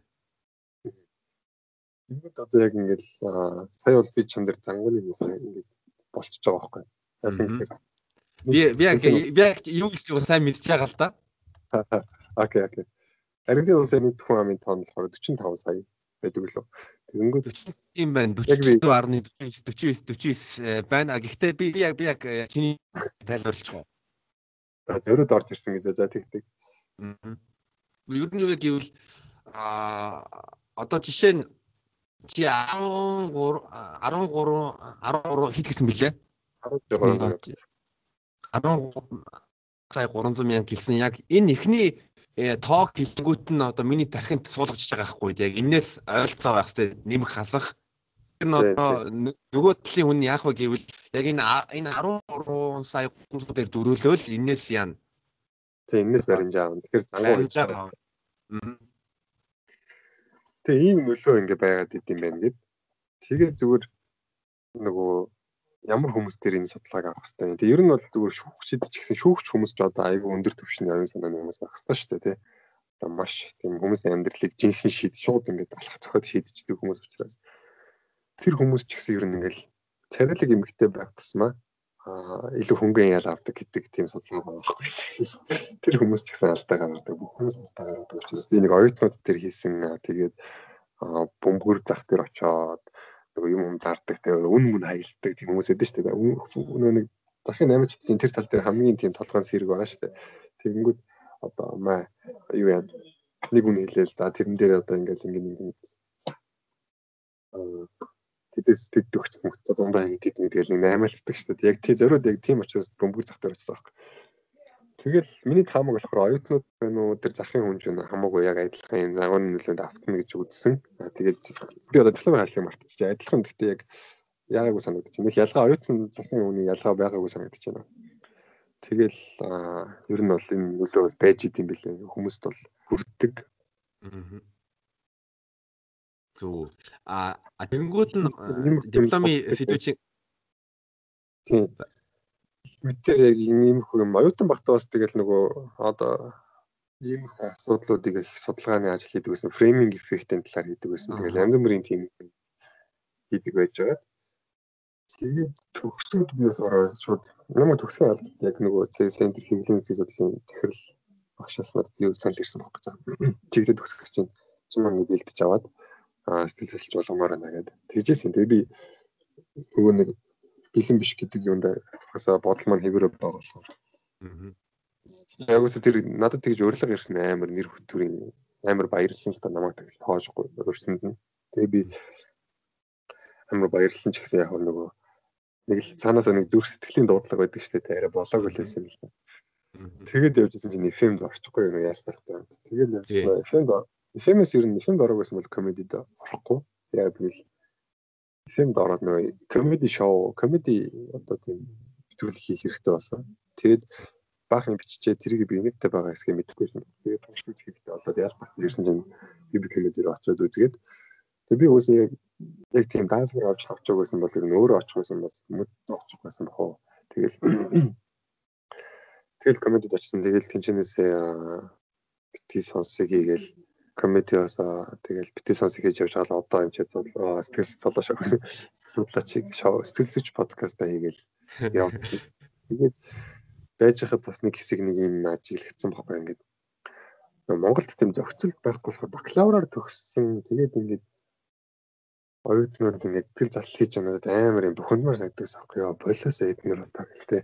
Та нар болоогүй шүү дээ. Ядаж яг магистр бол нэг тийм чухал биш л дээ. Ягаад гэвэл одоо тэл зал хийхэд бакалавраар төгсчөөд одоо нэг тийм судлаач зарч юм уу эсвэл Монголд одоо most одоо хоёр бакалавр байгаа нь судлаач тэгээд боловсролын гэсэн хоёр бакалавр магистр байгаад байгаа гэж санагдчихэв.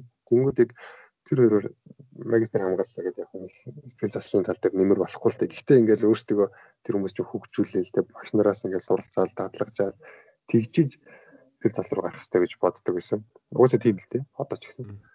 Тэгэнгүүт дадлагчихгүй гэж шууд ингээл сэтгэл судлаач тэр ингээд онлайнаар зөвлөгөө өгнө мөн ингээл тэгэл нэг өөртөө нийлүүлээ ингээл төмөө байгуулаад тэгснэ ингээл амар тийм туршлагагүй би ингээд нөгөө нэг сургуульд байсан нэг тиймд байсан юм чи мэдэн штэ тий яг хамт хичээл мичээл заримдаа үзэж шүү өөр анги байсан гэсэн. Тэгэл уус амар тийм туршлагагүй гэдгийг мэдээд байхад чинь сэтгэл салхи болчихлоо. Тэгэл бодохоор бүр амар ой готаал харамсалтай санагддаг байсан. Тэгээд сэтгэл засал хамгийн чухал юм болохоор эмпати бол маш чухал. Тэр хүн надаас бас нэг хүн саяхан асуулт асуусан байсан шүү дээ. Тэр подкастер ярилцдаг. Тэр болохоор хүн өөрөө бүх зовлон үдсэн байж сэтгэл судлаач болох хэрэгтэй гэдэг үү гэж асуусан байсан. Тэр бол үгүй ээ яг бас хитэ бүх зовлон үдсдгийг сэтгэл болно гэдээ байж хин тэр бол худлаа. Гэхдээ ер нь өөрөө их тийм бэрхшээлийг их туулсан зовлон их мэдэрсэн байх тусмаа тэр үйлчлүүлж байгаа юугаар юу тулж байгааг мэдэрдэг аахгүй мэдэх биш мэдэрдэг. Их тусмаа ингэж илүү сайн ажиллана. Тэгэхээр эмпати бол маш чухал. Тэгээд practice бол маш чухал. Одоо яг жинхэнэ мэрэгчлээ хүмүүсээс суралцах тийм. Тэгээ одоо интернетийн интернет гэж гайхалтай юмтай үед амьдарч байгаа нэг гайхалтай. Одоо хоёулангийн яриач гэсэн интернетийн ачаал боломжтой болж шүү дээ. Тэгмэд интернетээс банк тэр нөгөө хүмүүсийн одоо терапистууд байна. Тэгээ одоо тэр clinical doctor-уудын ингээд сургалт одоо секцүүд явж гин. Тэгээ үнгүү үйл хүртэл явж гин. Тэгээ тэр болгоноос ингээд суралцаж явж байгаа хэрэгтэй. Гэтэл яг тэгээд суралцаж чаддгүй нэг юм яг нэг нэг юм Монголд нэг тийм сони имиж өссөн байгаа сте судлаа. Нэг юм цэх суусан те ингээд нэг юм гараа ингэж нэг юм зөрвүүлж ингэж сууж гэсэн л тийм. Сонин юм зүрж зүг хийсэн тийм хүмүүс сэтгэл судлаач гэдэг ойлголттой болцсон те. Тийм бол одоо костюм пижак өмссөн. Үсэг хэлсэн. Костюм пижак бол яалтч гэдэгтэй өмсөх хэрэгтэй л дээ. Нэг юм тийм төлөв юу өмсөх байхгүй нэг хүн жоок хийсэн юм аа. Аа тийм эргээхээ зангиа зүвсэн тань өнгөлөг. Тиймэрхүү харин яг тийм уур амьсгал үүсчээд байгаа л даа тийм. Хэлцүүч гэхээр юм аа. Яг тэр юм хэлж хэлж болохгүй. Тэг тэг. Аа би өмнө уянга гэж сэтгэл судлаачтай подкаст хийж ирсэн. Тэгээд тэрэн дээр нь би бас э, Монголын ер нь сэтгэл зүйч нарыг жоохон тийм яг хоо жоохон шүүмжилсэн. Ягаад гэвэл энэ энэ бас юу гэвэл яг миний туршлагын туршлагын өдрлийн туршлагаас Польш болон Германд амьдарснаар би бас өөрөө Польшт хоёр тийм сэтгэл зүйн бараг за гурван сэтгэл зүйн сургалтанд суусан. Нэг нь бол бүтэн жилийн non violent communication одоо хүчирхийллийн бус харилцааны жилийн сургалтанд сууж ирсэн. Нөгөөх нь бол Эрик Берн гэдэг юуны Канадын мэдрэлийн эмч psychiatrist-ийн transactional analysis гэж байгаа. гүйлгийн анализ гэж шууд ингээ орчуулчлаа. Нөгөөх нь бол би бас 8 8 7 хоногийн юу mindfulness-ийн сургалтанд сууж сууж ирсэн. А бас би post post амжиж а post амьдарч байхдаа би бас пошин сэтгэл зүйч нартай ажиллаж исэн. Аа саяхан бас жилийн өмнө жилийн өмнө жилийн өмнө яг 11 сард эхлээд би бүтэн жил пошин пош терапистээр пош тераписттэй хамт сэтгэл сэтгэл засалчтай хамт ажилласан. Өөр дээрээ би өөрөө төгшөртэй хүн байхгүй юу. Тэгээд яг энэ туршлагаас ингээд авах юм бол яг ингээд бас зарим хүмүүсээс ингээд сонсонгууд ингээд Монголын сэтгэл зүйч нар надад жоохон тийм бүгдээрээ биш а гэхдээ тодорхой а тодорхой хэсэг нь мэрэгжлийн бус байдаг а мөн бас хүнийг баг сэтгэл сэтгэлийн засгаас илүү баг хүнд хүнд одоо гимт бүр илүү сөргөөр нөлөөлөх магадaltaй гэж би тэрэн дээр бол ер нь айгаад байдаг. Оо тийм байгаа ба тэр бол тэрэн дээр тэр бол үнэн шүү дээ. Одоо ингээл Монголын кино мөн дээр ч гэсэн сэтгэл судлаач нарыг амар хайлаа марцсан хачаа нүдтэй гаргаад байгаа дээ. Тэр чинь бол угаасаа л тэр чинь зүгээр байж байгаа хүмүүс итгэхгүй шүү дээ. Угаасаа тэр хүмүүс чинь бас чамтай адилхан тийм туршлага илэрсэн болоод тиймэрхүү байдлаар харуул. Энэ сэтгэл зүйч подкастын маш чухал зорилгоудын нэг нь ч гэсэн одоо яг тийм шарилж зэрлэг шиг урагдсан байгаа. Одоо тийм яг ийм сонин өөртөө мэрэгчлээд яг хамгийн гол нь хичээл зүтгэл байхгүй хүний тэр нэг хүмүүсийг гэсэн сэтгэл ёс зүй тийм юм сайтай байхад хүн өөрийгөө хөгжүүлчих болно. Анхнаасаа тийм юм байхгүй зүгээр ингээд нэг тийм өөрийнхөө эго гэж их гэсэн мөнгө олох гэсэн тийм магийн юмнуудыг бүрэн шарилт шиг зулгааж хаях бол бидний юм бол юм байгаа. Тэгээд манай золоо өгч гэсэн сайхан бас подкастын төгсгөл надад хэлсэн шүү дээ. Одоо за ингээд ийм хийж байгаа чинь зөв шүү. Одоо ингээд хүлэн зөвшөөрөгдсөн сэтгэл зүйч нартай гоё ингээд юмнуудыг хүргэж өгөөрэй гэж хэлж байгаа. Хүлэн зөвшөөрөгдсөн гэдэг үгээр юу хэлж юм гэхээр нөгөө scientific community-да хүлэн зөвшөөрөгдөх үү, ард түмэндээ хүлэн зөвшөөрөгдөх үү гэдэг хоёр сонголт байгаа шүү дээ. Яг нэгийг заавал сонгох хэрэгтэй биш л дээ. Хоёр хоёр байгаа шүү дээ. Тэнгүүд ард олонны дунд ингээл энэ төсвөрхийг ингээд нэрлэгдсэн ч гэсэн scientific community нь бол тэрийг шоолж идэх энэ сэтгэл зүйч гэж байх хэрэгтэй гэж бодлогддог хүмүүс байна. За scientific community мэддэг ч гэсэн арт түмэн мэддгүү тийм одоо манай сара багш тийм яг арт түмэн яг номоор нь бол хүмүүс мэддэг байх л та. Сара багш шиг тийм хүмүүс байна. Тэгээд яг сара багшийн онцлог нь болохоор нэг одоо ингээд тэнхимийн эрхлэгч ингээд уриал багшлаа чаяа зочноор ирж ингээд юм дааж өгөөч гэл багш болохоор одоо ингээд өөрийгөө тусгаарлсан байж байгаа байхгүй одоо ингээд подкастт ч гэсэн би анхны зочноор өөрөх гэжсэн тэгэл багш болоо ордгоо Тэгэхээр тийм хүмүүс ч байгаад байгаа. Тэгээд аль аль нь би бол аль аль нь хүрэх хэрэгтэй гэж боддог. Яг энэ хоёр тусдаа байсан ингээд хөрөхгүй тий. Аа нэг хин дуртай нь өөрийгөө амар сэтгэл зүйчтэй яг үнэхэр тийм баха зэрэгүүд байгаа нь үнэн ч юм уу гүр ч юм уу бодлоо яриад лаа ч юм уу мэдэхгүй тэгээд гэтээ бас яг нэг саран даваагаа шүү дээ тий. Тий. Саран даваагаа ч нь одоо сэтгэл зүйн профессор гэдэг цолтой гэж байгаа юм. Тэгээ манай дэлгэрж багш тэр хүний жоохон шоолсон юм ярьсан чинь нэр хүн талдлаа гэд тэгээд шууд багшиг асуулт оруулсан. Нэрнгээсээ тийм дипломтой байсан гэж байгаа байхгүй. Аа тэр диплом нь тэгээд таанахын дипломын яг тэгвэл бас өмнөх подкастн дээр ярьжсэн Абиас тэрийг сайн мэдж байгаа. Ер нь бол би нэг энэ жишээг бас ярмаар байгаа. Тэрний юу вэ гэвэл одоо жишээ нь пост яадаг вэ гэвэл сэтгэл заслаар одоо бакалавр юм уу магистр төгсчээж а тэгэнгүүт бүр олон жилийн тийм яг одоо яг сэтгэл заслын мэрэгчлээс мэрэгчлээс сонгонгуудаа мэрэгчлэр нь олон жил ажилласан зэл асалчийн доор 3 жил яг одоо өвчтөнгүүдтэй юм уу үйлчлүүлэгч нартай ажиллаж иж эрхээ авдаг байхгүй юу? Тийм ер нь бол тийм байх хэрэгтэй байхгүй. Одоо нэг удаа ингэж хэлсэн юм. Нэг охин ингэж танилцаад чигчтэй баг хүмүүсийн дунд л танилцчихсан хүмүүсийн нэг нь байсан. Тэгсэн чинь тэр ингэж сэтгэл судлаач мэрэгчлээ л гэж байна нөө зайл сургалт төгссөн бол гэж ярьсан чинь манай сургалт төгссөн бол явчлаа. Тэг би чинь манай сургалт угаасаа сэтгэл судлалын техник 3 хаягтай байхгүй. 2 дугаар курс, 3 дугаар курс, 4 дугаар курс. Аа өмнө нь болохоор бидний хөдөлгөөн 1 дугаар курс байсан л та. Тэг би тэрийг айл курс юм бол хаана төгсч яв нас нь ойролцоо байдаг юм. Тэгээ асууж манай ингэ төгссөн болж таардна. Нэг ангуу. Тийм дээ би хизээч тэр хүнийг харж байгаа. Тэр намайг хамгийн бол мэдхгүй тэрийг яриад байгаа байхгүй. Тэгээд би бүр гайхаад тэгээд лавсан чи ингээд ер нь бол тэр үнэхээр гэхдээ диплом ч юм уугүй ч юм худлаач ярьсан байж магадгүй. Тэгэхээр зүгээр арын хаалгаар тийм диплом бодлож авсан юм уу тийм үнж байж магадгүй. Тэр бас диплом болох нь найдвартай нөхөр бас үгүй байгаа даа.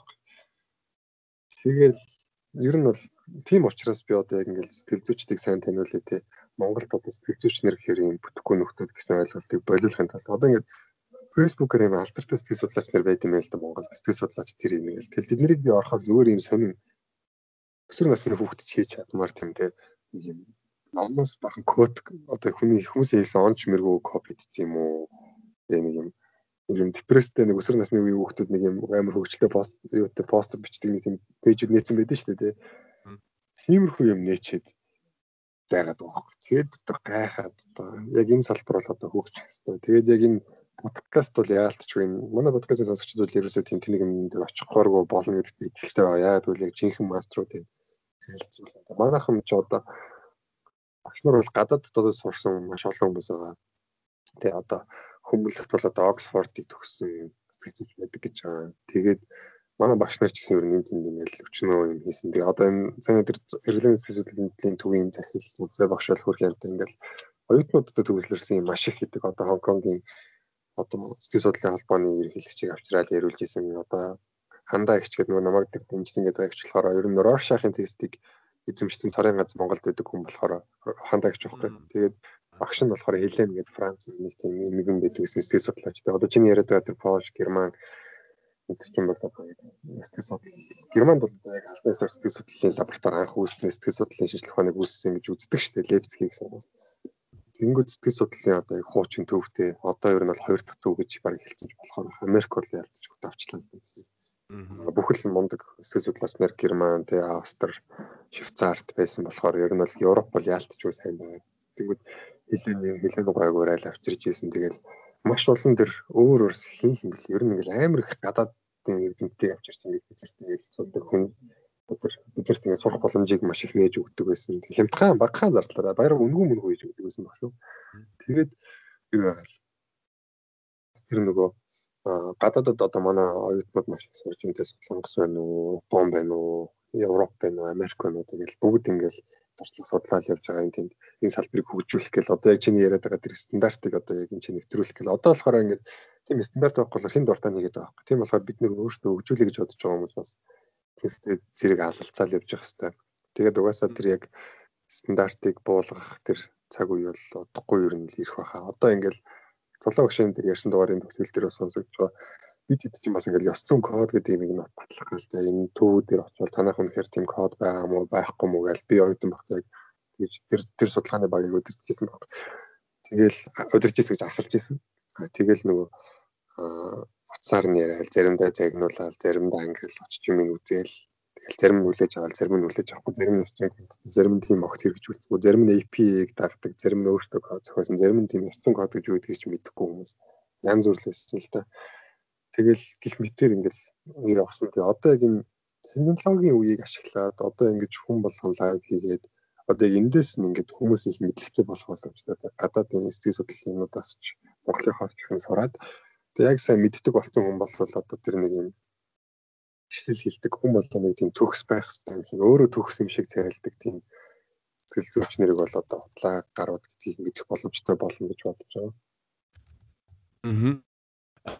Би сэтгэл сэтгэл дасал сэтгэл судлал дээр бол маш одоо хатуу байр суурьтай байдаг. Ягаад гэвэл хүний амьдралаар тоглож болохгүй.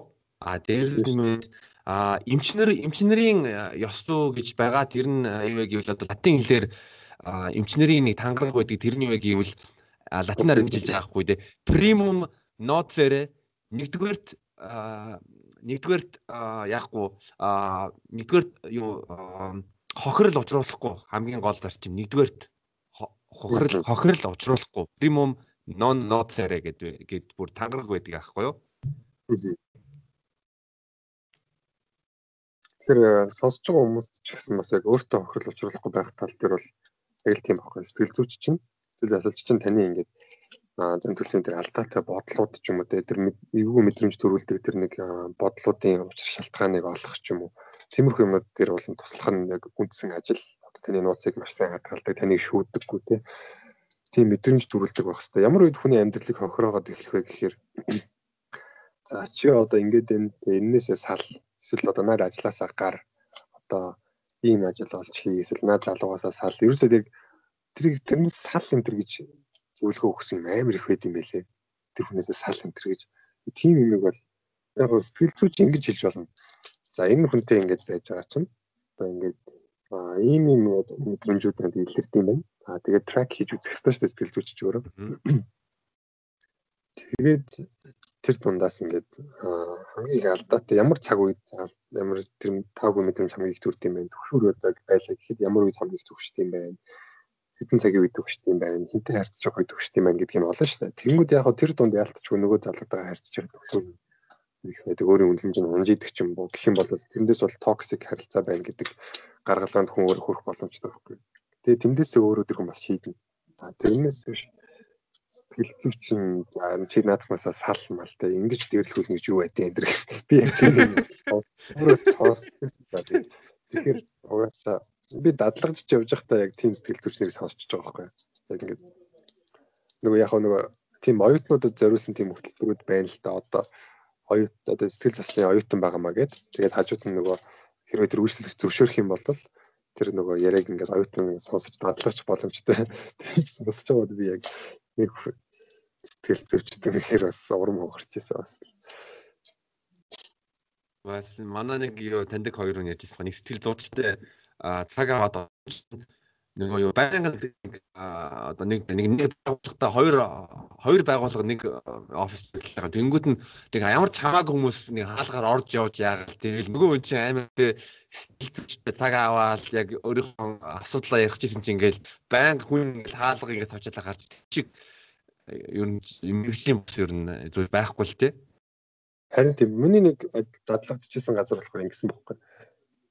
Ингээд офс туристик тэг нэг л тостой өрөөтэй тэрийг ингээд захирлынхаа өөр болгоцсон заяа. Тэр үйлчлэгч ирэхээр нэг юм сонин юм нөгөө хоолны газрын нэг юм тусгаарладаг хөшг шиг юм байдаг штэ бас хуул. Гарлаад ирээдсэн за. Тэгээд ваа наа ч одоо ингээд тэгдэх юм бэхэр өө зүгээр идэм үү гэл тэгэл за тэгээд би тэнцээ ингээд хитэн сар адилж байгаа юм. Тэгэл тэр хүмүүсийн нууц нууц яг тэгээд дотор надад мэрэгжлийн хүмүүс байгаа юм да гэж бодвол тэгэл яг нэг оюутнууд сонсдог тийм хөтөлбөртэй адилхан юм да гэж бодоол тэгэл за за гэж бодчихсон. Тэгээд яг дараа нь тэд нэр яг өрөөтэй болцсон байсан л да тус тустай өрөө гэдэг юмыг ойлгоцсон л ах шиг байсан. Тэгээд би бол ер нь хэлжлээсэн наач тийм бишээ. Тэгээд яг тэр нөгөө нэг бас яг жоохон тэр сонсож байгаа хүмүүс жоохон муухай яг өөртөө нь жоохон муухай санагдаж магадгүй л дээ. Гэхдээ яг нэг тийм бакалавра зэрэг судлаа хийгээгүй өөр салбараас орж магистр хийсэн хүмүүс жоохон тэр талын мэддэхгүй аймаг муутай л юм шиг үлээ. Тэр хүн яг тийм хүн байсан аахгүй өөрөө төгөөг нээсэн. Тэгээд тэг юу болохгүй. Тэр судлалаар бакалавр байдаггүй. Аа тэгээд магистр хийсэндээ доктор хийх гэж байгаа.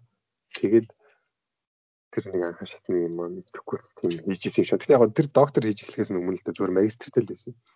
Тэгэл тийм юм хийсэн байж ах жишээ нь Би бол өөрөө өөртөө бол амар баярлж байгаа. Ягаад гэвэл пош хэлтэй, англи хэлтэй тэгэнгүүт нь яг энэ бас энэ онлайны ачаар аа тэг мундаг пош сэтгэл зүйчтэй ажиллаж байгаа. Тэгээ бас тэр нь юу вэ гэвэл би ер нь жоохон тийм монгол сэтгэл зүйчин нар жоохон одоо итгэв нууц нууцын хадгалалттай эржлийн байлаа би ял пошин сэтгэл зүйчтэйгээ хамтарч ажиллаж байгаа маш их ер нь баярлж байгаа. Ягаад гэвэл 100% тийм баталгаатай найдвартай байгаа болохоор Тийм. Гэхдээ яг сая миний яриа бас жоохон буруу ойлголт өгсөн байж магадгүй. Яг үнэхээр супер хийж байгаа шүү одоо. Яг бүр амар яг бүр гайхмаар бишрмээр яг домог домгууд бол яг энэ цагт үед амьдарч байгаа сэтгэл судлалын акулууд бол Монголд байгаа. Тэгээ өөрөө бүр гадаадын хүчин сургалт төгссөн хүмүүс ч байна. Яг ганц ч гадаад руу яваагүй зөө.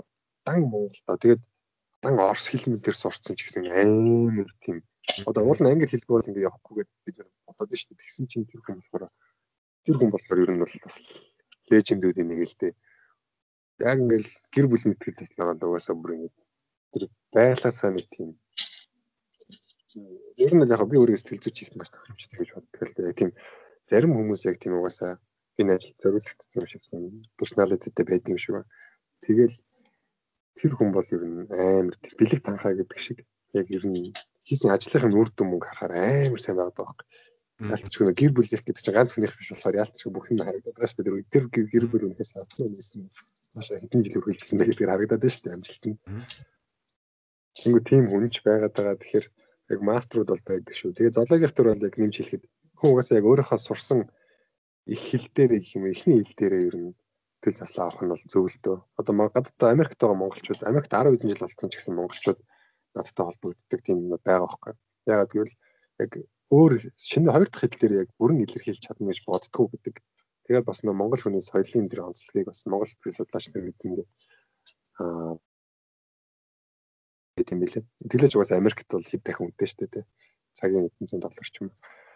Тэр шиг яг чи болохоор Монгол пошт багаас өссөн болохоор яг тэр пош хэллэр ч юм уу өөрийгөө хамаагүй нэвтрхий ойлгуулна гэж бодож байна. Яг өгүүл өгөөж магадгүй л дээ миний бодлоор тийм бах тий.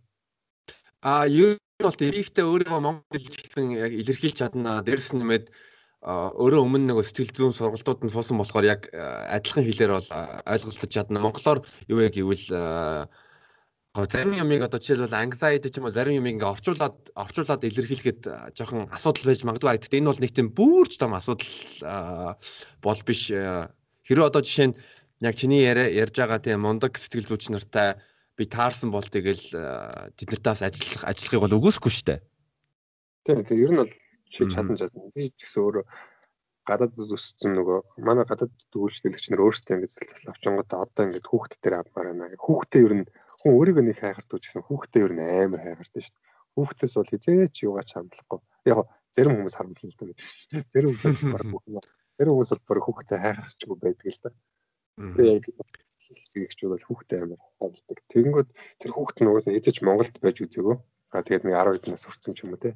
Тэнгүүд ингээл тэр хүүхд чинь гэртэл монголоор ярьдаг, гадаар ингээ монголоор ярьдаг болохоор ингээд бас хэлэн нэг сайн биш. А тэгтээ яг ингээл бас тэр хүүхдийг шамдуулахгүй тэр хүүхд чинь ягаад тааса март март гэж болон гэхээр угаасаа нөгөө тэр нэг юм алдаа гаргахаас айдаг зовндаг тэр мэдрэмжтэй холбоотой байдаг ш. Тэгэхээр аа зовлт би одоо ингээд илэрхийлээ цаг байна тий. Яг юу хэлэх гэсэн бэ гэсэн байдлаар ингээд хандаад хад тэр хүүхд бол өөрийгөө илэрхийлээд амар тэл ханамжтай байж болтгоо л доо. Тэгэхээр ер нь бол гадаад доо монголчууд ч гэсэн илэрхийлж болно. Аа тий эсэргээрээ ч гэсэн байж болно гэсэн үг л юм да. Тий, би бас яг э, бас манай сонсогчдын нэг асуулт байсан бэ гэвэл сэтгэл зүйч хүмүүс ихэнхдээ ямар дан чанартай хүмүүс байдаг э, вэ? Аа. Янз бүр байгаа. Гэхдээ найз нэг юу гэж бодож байгаа гэвэл яг чиний өмнө хэлжсэн шиг сэтгэл зүйч мэрэгчлээ хүн ер нь эмпаттай байх хэвээр ер нь бус хүмүүсийг тийм ойлгох ирмэлзэлтэй. Аа дээр хүн тус туслах сэтгэлтэй байх хэрэгтэй. Яг үнэ. Яг ямар байдаг асуулт нь болохоор ямар байдаг вэ гэсэн болохоор янз бүр байгаа нь бол хүн бохгүй. Үнэхээр тохиромжгүй хүмүүс ч байгаа. Тэгээд мундаг байна гэдэг нь заавалчгүй сэтгэл судлаач нар амжилттай хүн байна гэдэг нь сэтгэл зүйч тохиромжтой ч гэсэн үг биш. Ер нь чинь хэлж байгаа шиг хамгийн гол нь тэр сэтгэл их чухал, сэтгэл нь их чухал. Тэгээд дараа нь тэр эмпати. Угаасаа яг гэхдээ би яг хүмүүст хэлдэг байхгүй яг сэтгэл зүйчээ сонгохдоо бол би ч нөгөө таньдаг хүмүүстэй сэтгэл зүйн зөвлөгөө өгч чадахгүй шүү дээ болохгүй шүү дээ угаасаа тэр чинь. Тийм болохоор нөгөө одоо манай найзын ихнэр мэхнэр ч юм уу ингээл хандангууд би төвүүдийг зааж өгдөг байхгүй энэ яриагаа энэ яриа чанартай.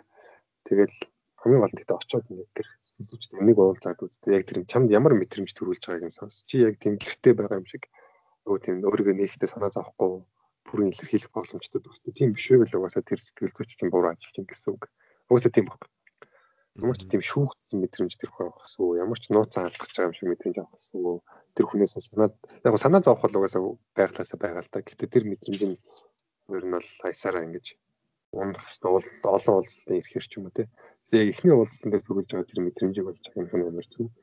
Тэгээд ер нь нэг тийм би бас сэтгэл зүйчээр ярьсан л да. Яг ингээд амар амжилттай явж байгаа хэрнээ. Амар эмпати мотой хүмүүсийн зовлонг те яг нэг юм тий одоо яг хохирогчийн сэтгхүү байна ч гэж ярьдаг ч юм уу те. Эсвэл хохин те одоо чи бол өөрөө арчаагуудаа ингэж юм энэ дэр бос залуу мэн энэ гэж гэсэн юм ярих гэдэг байдаг л да. Тийм хүмүүс бол үнэхээр тохиромжгүй. Тэр хүн чинь өөрөө яг тэр үнэхээр асуудал байгаа бол депресстэй байгаа шүү дээ.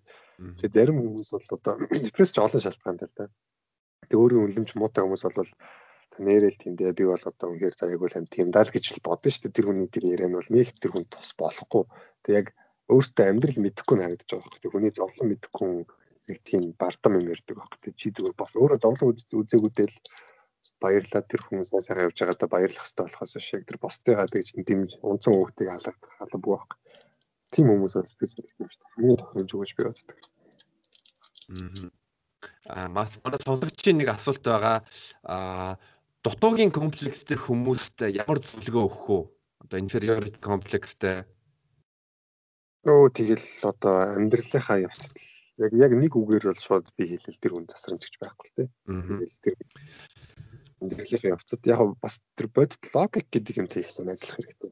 Одоо яг чи зарим зүйл дээр ингээд үнэхээр тэ дүүцхэц биш юм шиг санагдаад байгаа ч үгүй тийм хүн бол яг үнэхээр яг ямар нотлогоо надад байгаа юм бэ? Би тийм тэр хүчийг үзэж үзсэн юм уу гэсэн юмуд байх хэвээр. Тэгээ тэгжиж логикоор яг үнэхээр тэр одоо иррационал бодол нь автомат одоо алдтай бодол нь эсвэл үнэхээр үнэн байна уу гэдгийг үзэх хэрэгтэй. А үнэхээр үнэн байх юм бол тэр чинь бол яг дотоогийн комплекс бас биш болчихлоо шүү дээ. Зүгээр жинхэнэ жингээр үзэн болчихлоо.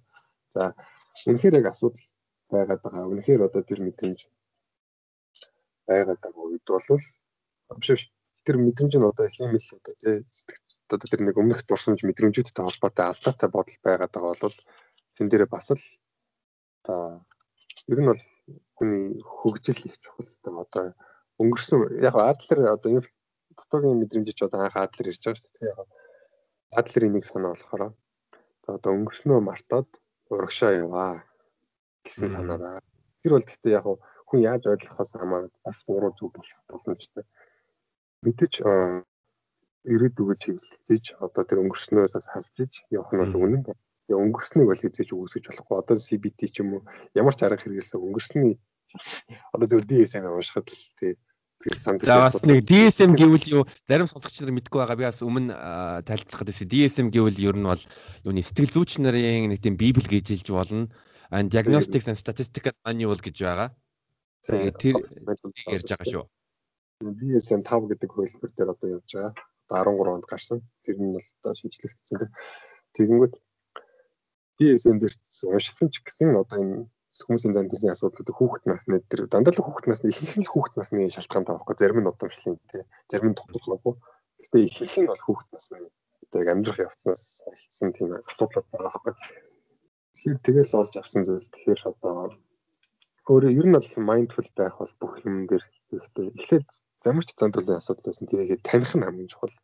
Тэгээд дараа нь эхлээд танилцах нь чухал. Тэгээд дараа нь таньж сурах нь чухал. Одоо яг илэрж байгаа үед нь тий За одоо яг үнэхээр чи хүмүүсээс ингээд одоо дөөцөхгүй тийм мэдрэмжтэй болохоор тэгээд байгаа мó эсвэл одоо үнэхээр чадамжгүй болоор тэгээд байгаа мó эсвэл яг амьдрал дээр аа тийм үнэхээр тийм байгаа мó эсвэл тэр мэдрэмжээсээ болоод тэгээд байгаа мó гэдгийг ялгаж салгаж сурах нь зөв. Тэгээд дараа нь түрүүний шиг түрүүний ангилж сурах нь зөв. Аа тэгээд яг эрүүл босуудыг аваад тэн дээр маань байх хэрэгтэй. Одоо цааш та хэлрэнгүүд аа за би нөгөө нэг мэдрэмжээсээ болоод одоо ингэж байгаа юм байна да.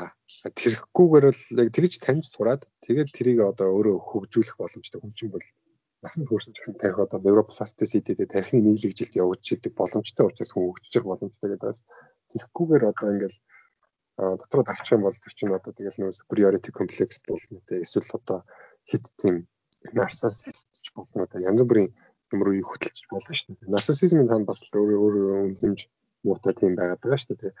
Одоо нөгөө хүн над руу халтчих үнэн хэмжээг халтчих үү гэдэг тэр айцаас болоод гаднаа амир тийм хатуу ширүүнтэй эсвэл өөртөө ихтэй нэг тийм дүр үүсгэсэн тийм хүн байгаад байгаа шүү дээ.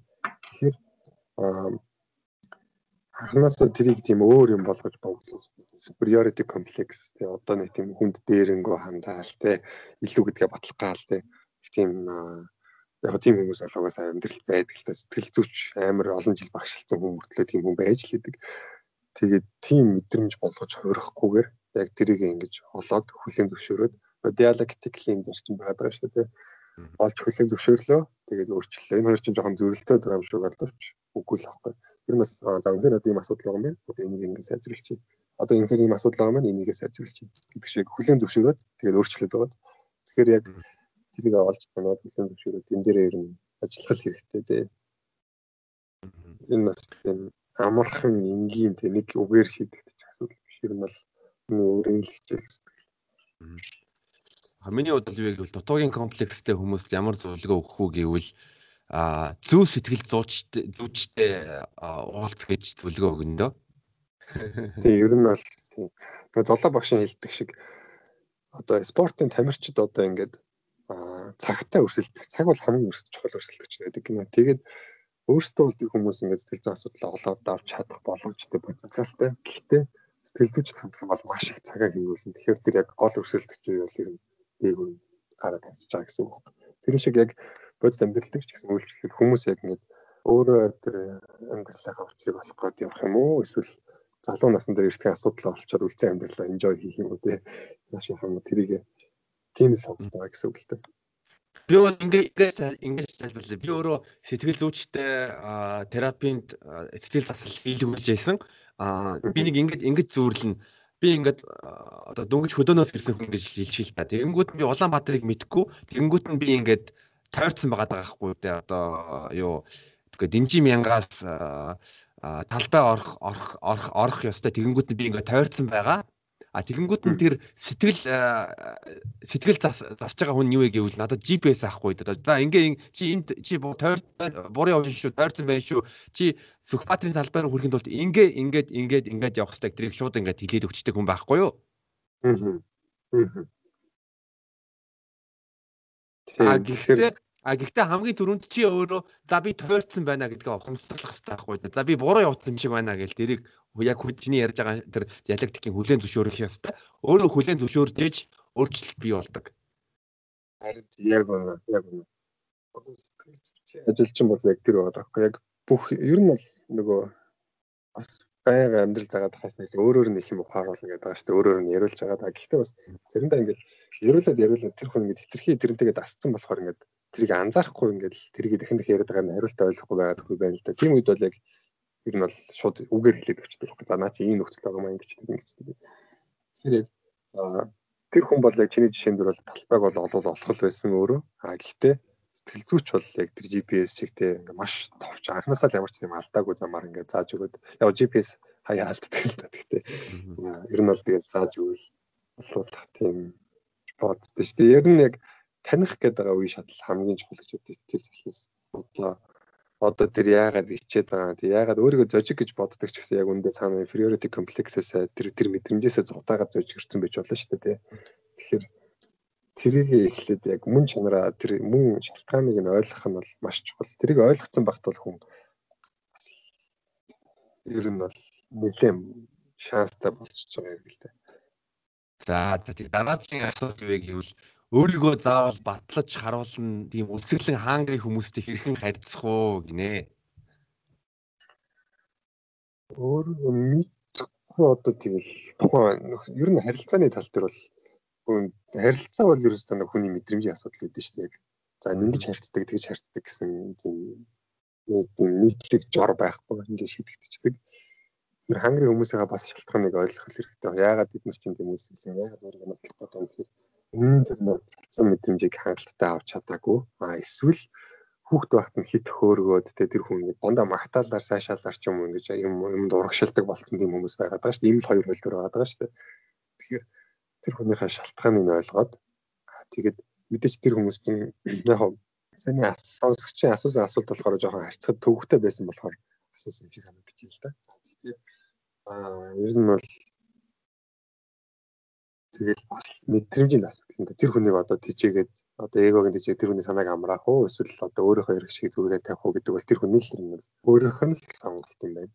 А гэхдээ яг тэр хүн бол сул тал нь юу вэ гэхээр угаасаа чи яг эго руу жоохон халтгад тэр хүн бол бараг чамааг үстэн дайснаа гэж харахад билээ. Ягаад гэвэл тэр чинь нөгөө эго гэдэг чинь яг яасан юм бол нэг амьд инстинктийн нөгөө үргэлжлэл одоо ингэ хувирцсан дүр яваад байгаа шүү дээ тий. Одоо энэ нэг гоочилж байдаг гэх тиймгүүд хүн готлох юм бол нэр хүнд нь унаад одоо илүү боломж нь багасдаг байна шүү дээ. Арил амьдралд нийгэмд одоо сайхан амьдрах боломж нь нэр хүнд нь унахаар ч.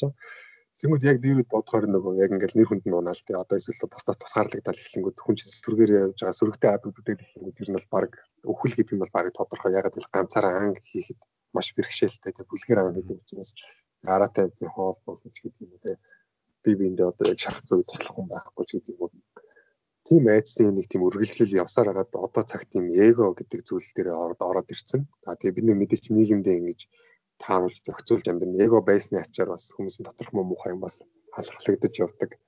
А тэгэнгүүт тэр хүний чинь яг нэг амьд үлдэхийн инстинктээр нь оролдчих юм бол тэр нөгөө яг тийм үе тэр хэрэгцээ хангагдаж дуусна л да тэр хүн насаараа тийм байхгүй шүү дээ. Тэр хэрэгцээ нь хангагдаад а тэрийг ухаарад ч юм уу эсвэл тэрэн дээр хэлгээд ч юм уу явчих юм бол тийм байха болчин хүний яг эгоны хэрэгцээ бол амар хиймэл хэрэгцээ яг хүн чанарын хэрэгцээ бол биш шүү дээ угаасаа. Тэгэхээр а тэр хэрэгцээнд хангагдаж дуусаад тэр зэний цагт мэдээж өөрчлөгдөнө. Гэхдээ яг энэ цаг үед байгаа яг тэр нэг эгогоо тийчих гэсэн тэр нэг юм өсөглөн үед нь бол тэгэл ер нь бол тэрийг сайнаарч ашиглаж болно, угаарч өөртөө уруулж болно гэхээр тэгэл яг мэдрэмжийн л асуудал юм да. Ямар ч хэсэн зүгээр яг тэр хүнийхээ онцлог ийм шалтгаантай юм шүү. Аа тэгээд тэр эгог нь оролдвол ийм болно шүү гэдгийг мэдсэн байхад та одоо өөрөө тарихт толгойд өгөн чинь аа тэр хүн тэгээд харуулаад харьцаж чадах байхаа гэж бодож байна шүү Энэ амар юу хариулахад жоохон тийм хэл асуудал бүх хүнээс шалтгаалж чиний аач юм аавч юм гэж юм найз ч юм ингээл олон одоо өгөгдлөөс шалтгаална яаж харьцах зүв гэдэг юм байна. Текстээс нэгдсэн жор байхгүй хариулт тий. Төрийн эмгэгтэй хүн ер нь засал хийлгээд эмчлэгдэх үү гинэ. Оо эдгэр төгшүүрийн төгшүүр бол сайн эдгэр эдгэр. Төгшүүр англаа байна юу? Аяар. За байж байгаа. Одоо ярьж тасартай шүү. Төгшөр юу гинэ? Anxiety юм уу? Anxiety, anxiety. Төгшөр anxiety. Төгшөр бол тэгэл бас л нөгөө бас л нөгөө ер нь бол тэгэл засал хийлгэх хэрэгтэй л дээ. Би одоо энэс нэг юм хэлээд яачихгүй. Гэхдээ ер нь бол төгшөрийн чинь мөн шалтгаан, уг нь бол хвчлэн compulsive obsessive compulsive байх тусмал төвшөлтэй байгаа байх. Тэрийг ер нь мэдэх хэрэгтэй та нар. Тэгэхээр ер нь та одоо өөртөө их өндөр шаардлага тавьдаг ажил хийхээрээ эсвэл өөртөө өндөр шаардлага тавьдаг байсан гэхдээ ажил хийхээрээ яг нэг тийм нэг мэдрэмж байдаг яг энэ автоматар ингээл аа гэл нэг юм хангалттай болчиход байгаа ч л юм амар сайн болох гэл төгсрүүлэх та нэг юм дэрэж тасчмаар санагдал энийг ч сайжруулах санагдал тэгэл бол нэг юм төвшөлттэй байх магадлал маш өндөр ер нь бол 90 хэдвэртэй яригдах бах шүү баримжаал бол тэгэл одоо шкавнд одоо хуц үлгсэн гэсэндээ бүх хөлгөөрнүүд нэг тийш харсан байдаг ч юм уу. Тийм бүхээр нь бол ер нь хөвчлэн төгшөөтэй байдаг. Байхгүй ягаад гэвэл тийм болгоныг сайн байлгахыг хүсэж байгаа. Аа тэгээд болгоныг сайн байлгаж чадахгүй байх үедээ гэдэг нь явсаар явсаар нийлээд төгшөр болсон байдаг тэгэхээр бас л дахиад мөн чанараа ойлгоно. Тэгээд майндфул байх бол маш чухал энэ төгшөр төр бол. Ягаад гэвэл бүх төгшөр төгшөр асуудал дандаа ирээдүйд яригддаг гэж би нөө подкаст дээр ярьсан шүү дээ дандаа ирээдүйд байгаа юм дээр санаа зовж идэг болохоор одоо тэр төвлөрөх нь чухал. А тэрнээс гадна mindful байснараа бас нөгөө нэг түрний яриад байгаа алдаатай бодлууд тэр алдаатай мэдрэмжүүд тэр өөртөө зөвөр авчираад байгаа зүйлүүдэд барьж авч оо энэ тэр ороод ирлээ. Оо энэ тэр юм биш. Тэгэхээр ялгаж салгаж ойлгоход одоо тэр төвлөрөх нь их чухал л та. Аа. Би бас ер нь өөрөө бол төгшүүрийн асуудалтай байсан тэднэрийг ер нь бол сэтгэл сэтгэл засалчтай ажиллаад а нэлээд ер нь бол сайжирсан сайжирсан а бас юу юу гэсэн бэ гэвэл аа яа хэлэх юм хэлэх юм мартаад одоо өөрөө төгшөөрд орлоо гэхгүй юу. Төгшөр төгшөөртэй байж байгаа сайжирсан. Буцаа төгшөр мөн ороод ирлээ. Би юу л бэ гэвэл хүн ер нь өөрийгөө таныг мэдэх ёстой. Энэ бол маш чухал. Жишээ нь би жаргалтай үедээ ямар үйлдэл хийдэг вэ? Гунигтай үедээ ер нь ямар үйлдэл хийдэг вэ? Хүнд одоо уурлахтаа жишээлбэл яг ямар хийдэг юм? Ягаад гэвэл бид нар аль ухамсараараа ч юм уу ер нь бол юм үйлдэлүүд ингээд автоматтай байдаг гэдэг хүн жоохон өөрийгөө ингээд таныг мэдэх юм бол а өөрт нь ер нь бол маш үнцэнтэй болж ер нь өөрийгөө өөрийгөө мэдэх, өөрийгөө сайн мэдэх. Яг үнэ. Одоо ингээл зарим ингээл хүүхдүүд мөхдөд асуудаг байна. Одоо ингээд тэрийг яах вэ? Энийг яах вэ гэж одоо тэр нөгөө тим хүнтэй яаж харьцах вэ гэдэг шиг одоо тим үед яах вэ гэж тэгээд идэх хөөх. Тэгээд яг нэг юм тэр нь болохоор яг сэтгэл зүйн асуудал гэхээс илүү нөхцөл байдлын нэг юм асуудал байгаа байхгүй. Тэгэхээр сэтгэл зүйч бол түрүүн хэлсэн шиг яг тиймэрхүү асуудлыг зөвлөдөг тийм амьдралыг амьдрал заадаг тийм мэрэгэн ухаантан бол заавал биш. Зүгээр сэтгэл зүйн асуудлуудыг бол сайн мэддэг хүн байхгүй. Тэгэхээр ер нь бол золог хэлж байгаа шиг яг ямар нэг ментор хамгийн ер нь хүчтэй ментор чинь хамгийн мундаг ментор чинь яг чиний дотор байдаг тэр даалт ухамсар те тэр яг дотоод хүнээ ер нь бол олж таних юм бол тэр дотор чинь супер хүн байгаа. Ер нь бол хинээс ч илүү ухаантай Тэгээ хамгийн гол нь танд таарсан яг бүх зөвлөгөө танд таарахгүй шүү дээ. Тэгэхээр яг юу хэрэгтэйг мэддэг яг тийм юм байгаа. Тэгэхээр эгоны хэрэгцээг даваад тэгээд тэр мэдрэмж рүүгээ илүү ойртно. Тэрнээс гадна Карл Юнгийн нөгөө нэг үг байгаа шүү дээ тий. Дотгошоо Карл Юнгийг одоо бишрэх юм да. Тэгээд бүх юм ин ойлгодгүй ч гэсэн Карл Юнгийн чинь яг жоохон солиорсон тий. Тэгээд зарим юм өнөхөр угаас ойлгох аргагүй хэцүүлдэ бид нэр төвшин үрдэг гэж магадгүй эсвэл өнөхөр Карл Юнг солиорсон гэж магадгүй л тий. Тэгээд Карл Юнгийн нэг үг байдаг. Аа дотгошоо харсан хүнс ирдэг, гадагшаараа харсан хүн зүудэлж идэг гэдэг. Тэр шиг одоо яг түрүүний дээр материал хөөгөл байгаа. Тий одоо эд материал хөөгөөл тий одоо ямар нэгэн эд материал өөрийг нь жаргалтай болгоно гэж бодож байгаа. Ямар нэгэн хүнтэй ирэхэд өөрөө жаргалтай болно гэж бодож байгаа бол та гадагшаа хараад зүудлээд нохоо сүлээ хөөж байгаа шиг хэзэж барихгүй юм дээр тэгээл сүултэйг хөдөлтөл явж байгаа тийм. Зүудэлж байгаа л гэсэн үг л дээ. Тэгээ дотгошоо хараад өөрийнхөө зүйлүүдийг ойлгоод сэтгэлзэн адлаглал түрний ярьж байгаа бидний одоо яг ойлгох төвшөнд ярихад одоо энэ бэлзүүн асуудлуудтай ямар ямар зан төлөвийн асуудлуудтай ингэдгийг ойлгоод тэгээд тэн дээр ажиллаад тэднийгээ таниад эхлэхэд бол ер нь яагаад анханасаа тийм үйлдэл хийдэг байсан яагаад тэгж уурлаад идэг байсан яагаад тэр хүнд тэгж гомдоод яагаад тэр хүнд одоо яагаад зарим хүнд уурлаад яагаад зарим хүнд гоё харьцаад идэг байсан ч юм уу эсвэл яагаад өөрөө өөрөө үнэлэмжээр доош нь хийгээд яагаад өөрийгөө одоо бусдад дүүцэх хүн биш гэж бодоод идэг байсан тэрийг ер нь ойлгох нь л доо. Тэгэхээр угаасаа тэгээд тэгэхээр угаасаа тэр нөгөө эго ихэнх зан төлөвийн асуудлыг асуудал эгоны асуудлыг шийдэх асуудал байгаа шүү. Ерөөсөө ихэнх эго чинь ерөөсөө хамгаалтын механизм байдаг байхгүй. Өөрийнхөө төр сулд ороо ч юм уу те эсвэл хүмүүст харуулахыг хүсэхгүй байгаа тэр мэдрэмжүүдээ нуух нуух гэж эгогоо эгогоо их зузаалсан байдаг. Тэгэхээр эго багасах тусам тэр одоо тэр сэтгэлийн мөн чанар руугаа ойртно.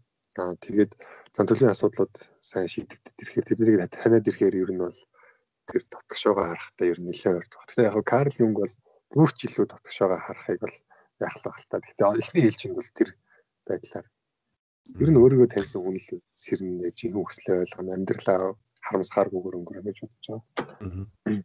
Тэгвээс яг энэ энэ тавчнаар яг нэг өөрийнхөө амьдралынхаа бодит жишээг ярьж бодъё. Би бол жишээ нь хүмүүст үгүй гэж хэлж чаддгүй байсан.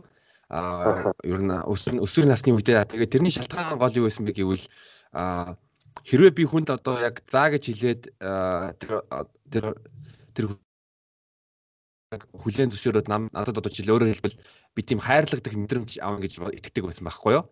Аа яг.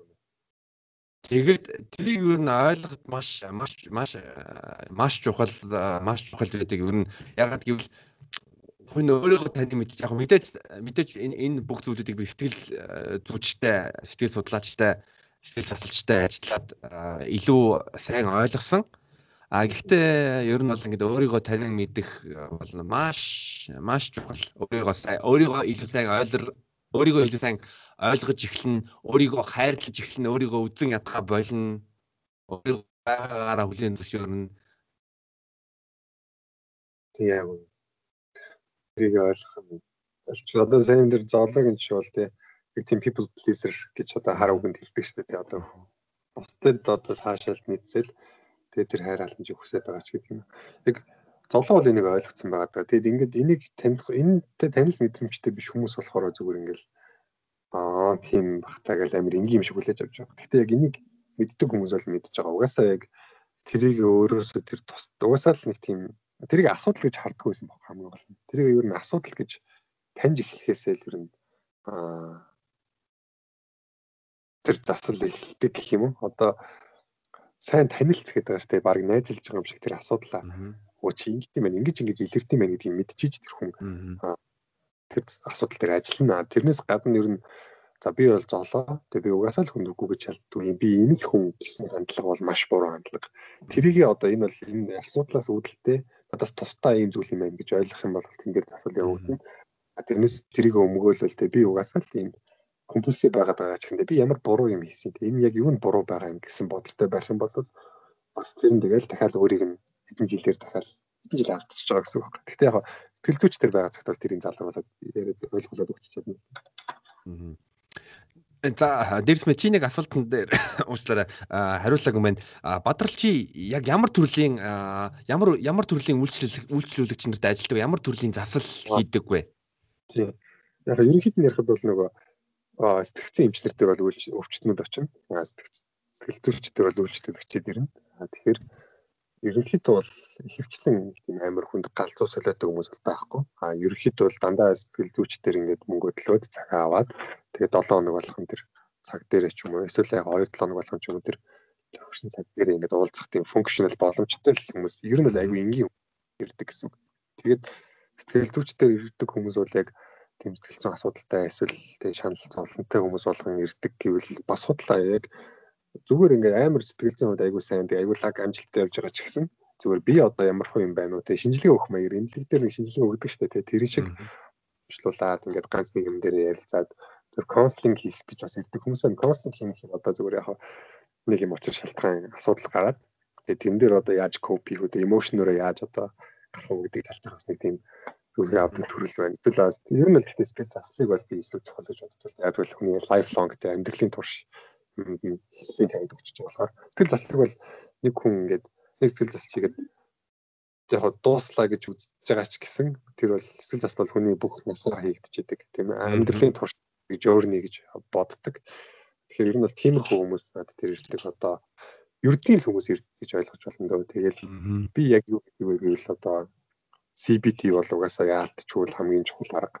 За тэгээд cognitive therapy, CBT А тэгээ RBT заримдаа тэгээд DBT ч юм уу. Иймэрхүү юм. За тэгээд үдчтэй одоо мэдгүй байгаа CBT бол юу cannabis oil гэхгүй дээ. CBT. Энэ бол юу cognitive behavioral therapy монголоор юу вэ? Cannabis гэдэг CBT гэдэг юм шүү дээ. Тэгээ cognitive behavioral therapy шүү. Тэгээд therapy behavioral therapy болохоор cognitive behavioral therapy болохоор ер нь л одоо дэлхийн нийтэд одоо хамгийн яг зүгээр статистик одоо яг үр дүнгээрээ ч гэсэн хамгийн сайн үр дүнтэй явж байгаа заслын арга болохоор яг одоо энийг бүгд хэрэгжүүлдэг. Яг манайхан бас ингэ ажиглагдаад байна л да. Адлерийн номыг уншаад ч юм уу те яг Адлерийг шүтэл дээ ингээл яг бүх онолоор яг Адлер бол байгаагүй бол сэтгэл заслуудыг хингийн түрээч үгүй ч Адлерийн одоо онол бол маш чухал хувь нэмэр үзүүлсэн. Тэгээ маш олон онолууд форма олоход бол төсөлсөн онолтой.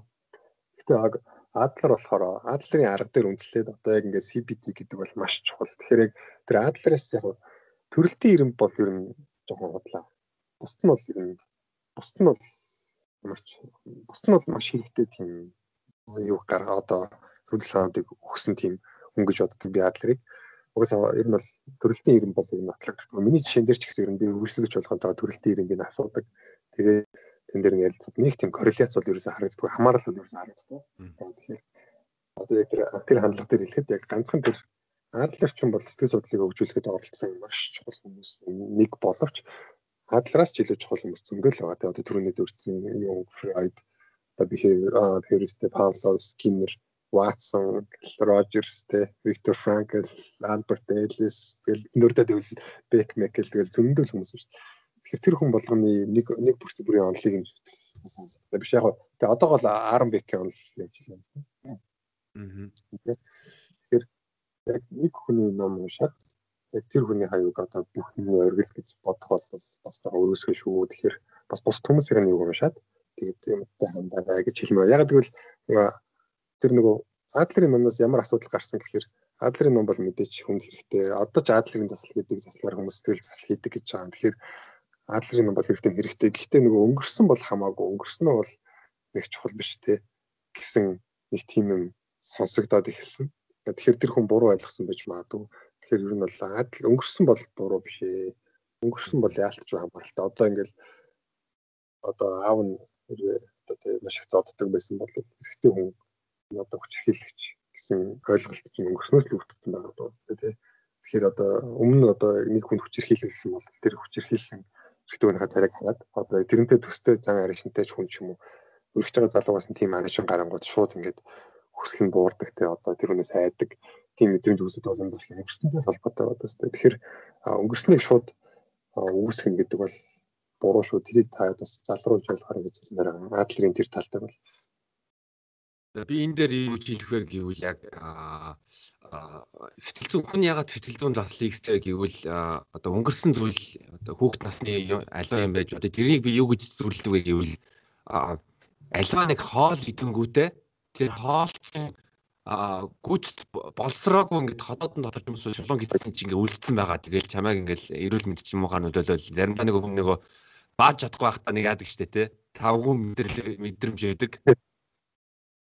Харин сэтгэл засал яадаг вэ гэвэл а тэр тэр бүх бин дотор байгаа тэр үл дээр үлдэгдэл боловсруулаагүй хоолыг чин гаргаад өгөөд тийм сайн чөлөөтэй мэдрэмж өгдөг байхгүй юу? тэрийг яаж гадагшлах юм бэ? Аа. Яг үнэ. За тэгэхээр бид бадрал ямар таслыг хийсэг вэ? Тэрийг ер нь CBT-д голдуу шүү дээ. За. CBT засал хийж байгаа. Мөн бас миний нэг хамгийн хайртай номуудын нэг бол гэлжээ сая дурдлаа. Albert Ellis-ийн A Guide to Rational Living бол миний бол ер нь бол гарын авлагын ном би бол тэрийг бол ер нь тогтмол уншдаг. Жилд нэг удаа ядаж уншдаг. Nice, nice. Альберт бол Альберт Элис ч юм болохоор нөгөө REBT REBT behavioral therapy класс үзсэн юм шүү дээ тий. Тэр REBT ч гэсэн ер нь бол амар потенциалтай санагдсан надад бол. Тэгээ бас аа ер нь ер нь бол яг жишээл Альберт Элисийн Guide to Rational Living энийг монгол хэлээр орчуулагдвал үнэхээр бол хүн болгонд хүртээмжтэй сайхан амьдралдаа хэрэгжүүлэх боломжтой шууд ном байхгүй юу. Тэгээ тэрийг бас уншихыг англи хэлтэй хүмүүсээ бол уншихыг уншихыг зүйл зүйлё. Аа өөр чинь бас нэг энэ энэ асуултыг би өөрөө чамаас асуухгүй гэж бодсон юм а нэг сонсогчийн асуулт юм л да. Би энтээс а надад асуултаа хэлэгдүүлж яа чам ч гэсэн яг үдчихэд бас хэрэгтэй юм хэлж магадгүй гэж бодоод байгаа. Нэг сонсогч ийм ийм асуулт асуусан. Үнэхээр амжилт шаахгүй бол амиа горлох тимч буруу зүйл биш үстэй гинэ. Яахгүй л амиа горлох буруу зүйл биш үстэй. Үнэхээр амьд шаахгүй бол гэсэн юу гэсэн бэ? Үнэхээр амьдрал нь шаахгүй, амьдрал нь шаахгүй бол амиа хорлох тэмч буруу зүйл биш бидтэй гэд. Би яг яг яг э, бод яг асуулт яг асуулт бичснээр нь э, сая уншлаа. Аа за за. Вот тэгээд буруу зүйлийг нь бид нэр хэлэхгүй шүү дээ. Тэгэл амиа хорлолт чинь яагаад үүсэж байгаа вэ гэхээр амиа хорлоод бүх юм шийдэгдэнэ гэсэн нэг тийм бодол ямар нэгэн байдлаар алдаатай бодол байгаа даа шүү дээ. Амиа хорлоод юу болохыг үхсний дараа юу болохыг бид нар бол мэдэхгүй. А эхний хэдэн үед секундэд бол угаасаа бүх хүний эдээс үхээд хүчил төрөгч байхгүй болоод ямар ч аим шигтэй тавч тарчлан бол мэдрэх нь тодорхой. А тэгээ тэрнээс цааш үнэхээр дахин төрт юм уу одоо тэнгэрийн оронд очт юм уу эсвэл одоо үнэхээр ингээд задраад өөр өөр юм уу одоо атмууд нь очих юм уу бид нэр тэрийг бол мэдэхгүй. Тэгэхээр амиа хорлох бол шийдэл гэдэг тийм ихтгэл үнэмшилж өөрөө айгу буруу байх гэдэг байна. Одоо тийм үнэхээр амин орлоо гэх таны асуудал дуусах юм эсвэл үнэхээр бүр орчих юм үнэхээр оршихад ч бэрхшээлтэй юмд орчих юм билээ мэдэхгүй шүү дээ. Тэгэхээр амин орлох бодол бол ер нь тухайн emotion тий одоо яг ер нь бол би тэр мэдрэмжийг сайн мэддэг. Манай маш сайн багын найз маань амин орлох гэсэн тэр бол миний сэтгэл судлаач болоход нөлөөсөн үйлдэл. Би өөрөө ч гэсэн тийм бодлоод ихтэй байсан.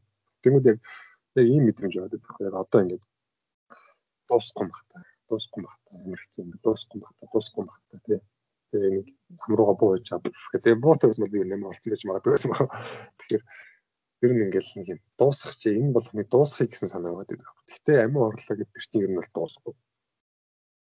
Дахиад хэлчихвэл яах вэ гэсэн одоо зүгээр яг грейдэс чинь хүчил төрөгчгүй болоод тэр парцлагаар хэдэн зуун жил чинь амьдрал яах вэ бид нар тэрийг мэдэхгүй байхгүй өөхний дараа юу болтгийг.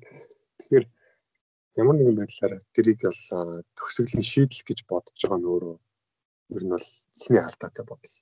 За тэгээд хоёрдугаарт юу вэ гэвэл ямар ч сэтгэлзэн асуудал байсан бас засах боломжтой. Гэхдээ яг яг бас тэгэл Робин Уильямс ч юм уу те Честер Беннет ч юм уу Честер Беннингтон ч юм уу те Честер Беннингтон гэдэг лөө Честер Беннингтон үстэй те Тэгээд ингэ тэр хэд чинь тэгэл би тэр тал дээр бас яг судалгаа хийгээд яг подкастын дугаар хийж бодод одоохондоо судалж амжаагүй юм л яг тэр хүмүүс ямар терапевттэй байсан яаж сэтгэл заслаа авч ирсэн тэг олон айгүй хүмүүс авч ирсэн баймаар та тэгээд бас амин оролцсон байгаад байна. Гэхээр бас эндээс хүмүүс бас аа бас нэг ойлгож ямар нэгэн дүгнэлт хийж болох байх л би тэгтээ яг өөрөө бүтэн амиалаа зээжиж яг үйлчлэгч нь бодоо ажиллаж руу эсвэл үнэхээр тийм хэцүү кейс байсан юм уу гэдгийг үзнэ л дээ тэгэхээр амин оролцоог бас нэг амиа амиа хорлох тийм бодолтой хүн чинь бас юу өөрөө өөрөө яг тийм юм бодож байгаа. Тэгэхээр тэр нь яг эрүүл юм уу зөв юм уу яг үнэхээр тийм рационал юм уу логиктэй юм бодоод байгаа юм гэдгийг гэдэг гэдэг байхгүй байж магадaltaй байхгүй юу? Тийм тийм яг тухайн үедээ яг тэгдэг байхгүй ингээл өөр яг н хүмүүсийг нийгэм нийгэмдээ дургуутсан байж болно. Нийгэмд үлэн зөвшөөрөхгүй тэр мэдрэмж таагүй байж болно. Эсвэл зүгээр яг хэрэгцээнүүд нь хангагдахгүй байгаад байгаа, тэрийг ойлгохгүй байгаад байгаа. Ямар ч шалтгаан, олон шалтгаанаар тийм байдал очсон байж болно л доо. Тэгээд тухайн үед бас яг чиний хэлж байгаа шиг яг тийм логикоор бодох боломжгүй ч юм уу те тэр яг тэрийг бодох сөхөөгүй байдаг байхгүй. Тэгэхээр яг хажуугаас нь яг тэр сөхөөтэй байгаанууд нь яг логикийн начаал та тэрийг юу хийж нь зөв. Аа тэгээд Миний хувьд л яг тэр нэг яг логик бодлууд л яг амар оролтын тал дээр өөртөө амар тусалдаг гэсэн. Би оюутан багтаа ингээл амар амар хөсдөг гэсэн. Ингээл лайтас нэг тал ингээл гар мараад усж байгаа төсөөлөл тэгэл дараа нь дооцноо ямар солиод юм гэж бодож бодлоо. Тэгснэ сүултээ болохоор тийм солиод юм биш гэж бодогдохоо байлаа л те. Зүгээр л нэг юм сонголт юм шиг санагддаг болсон надад.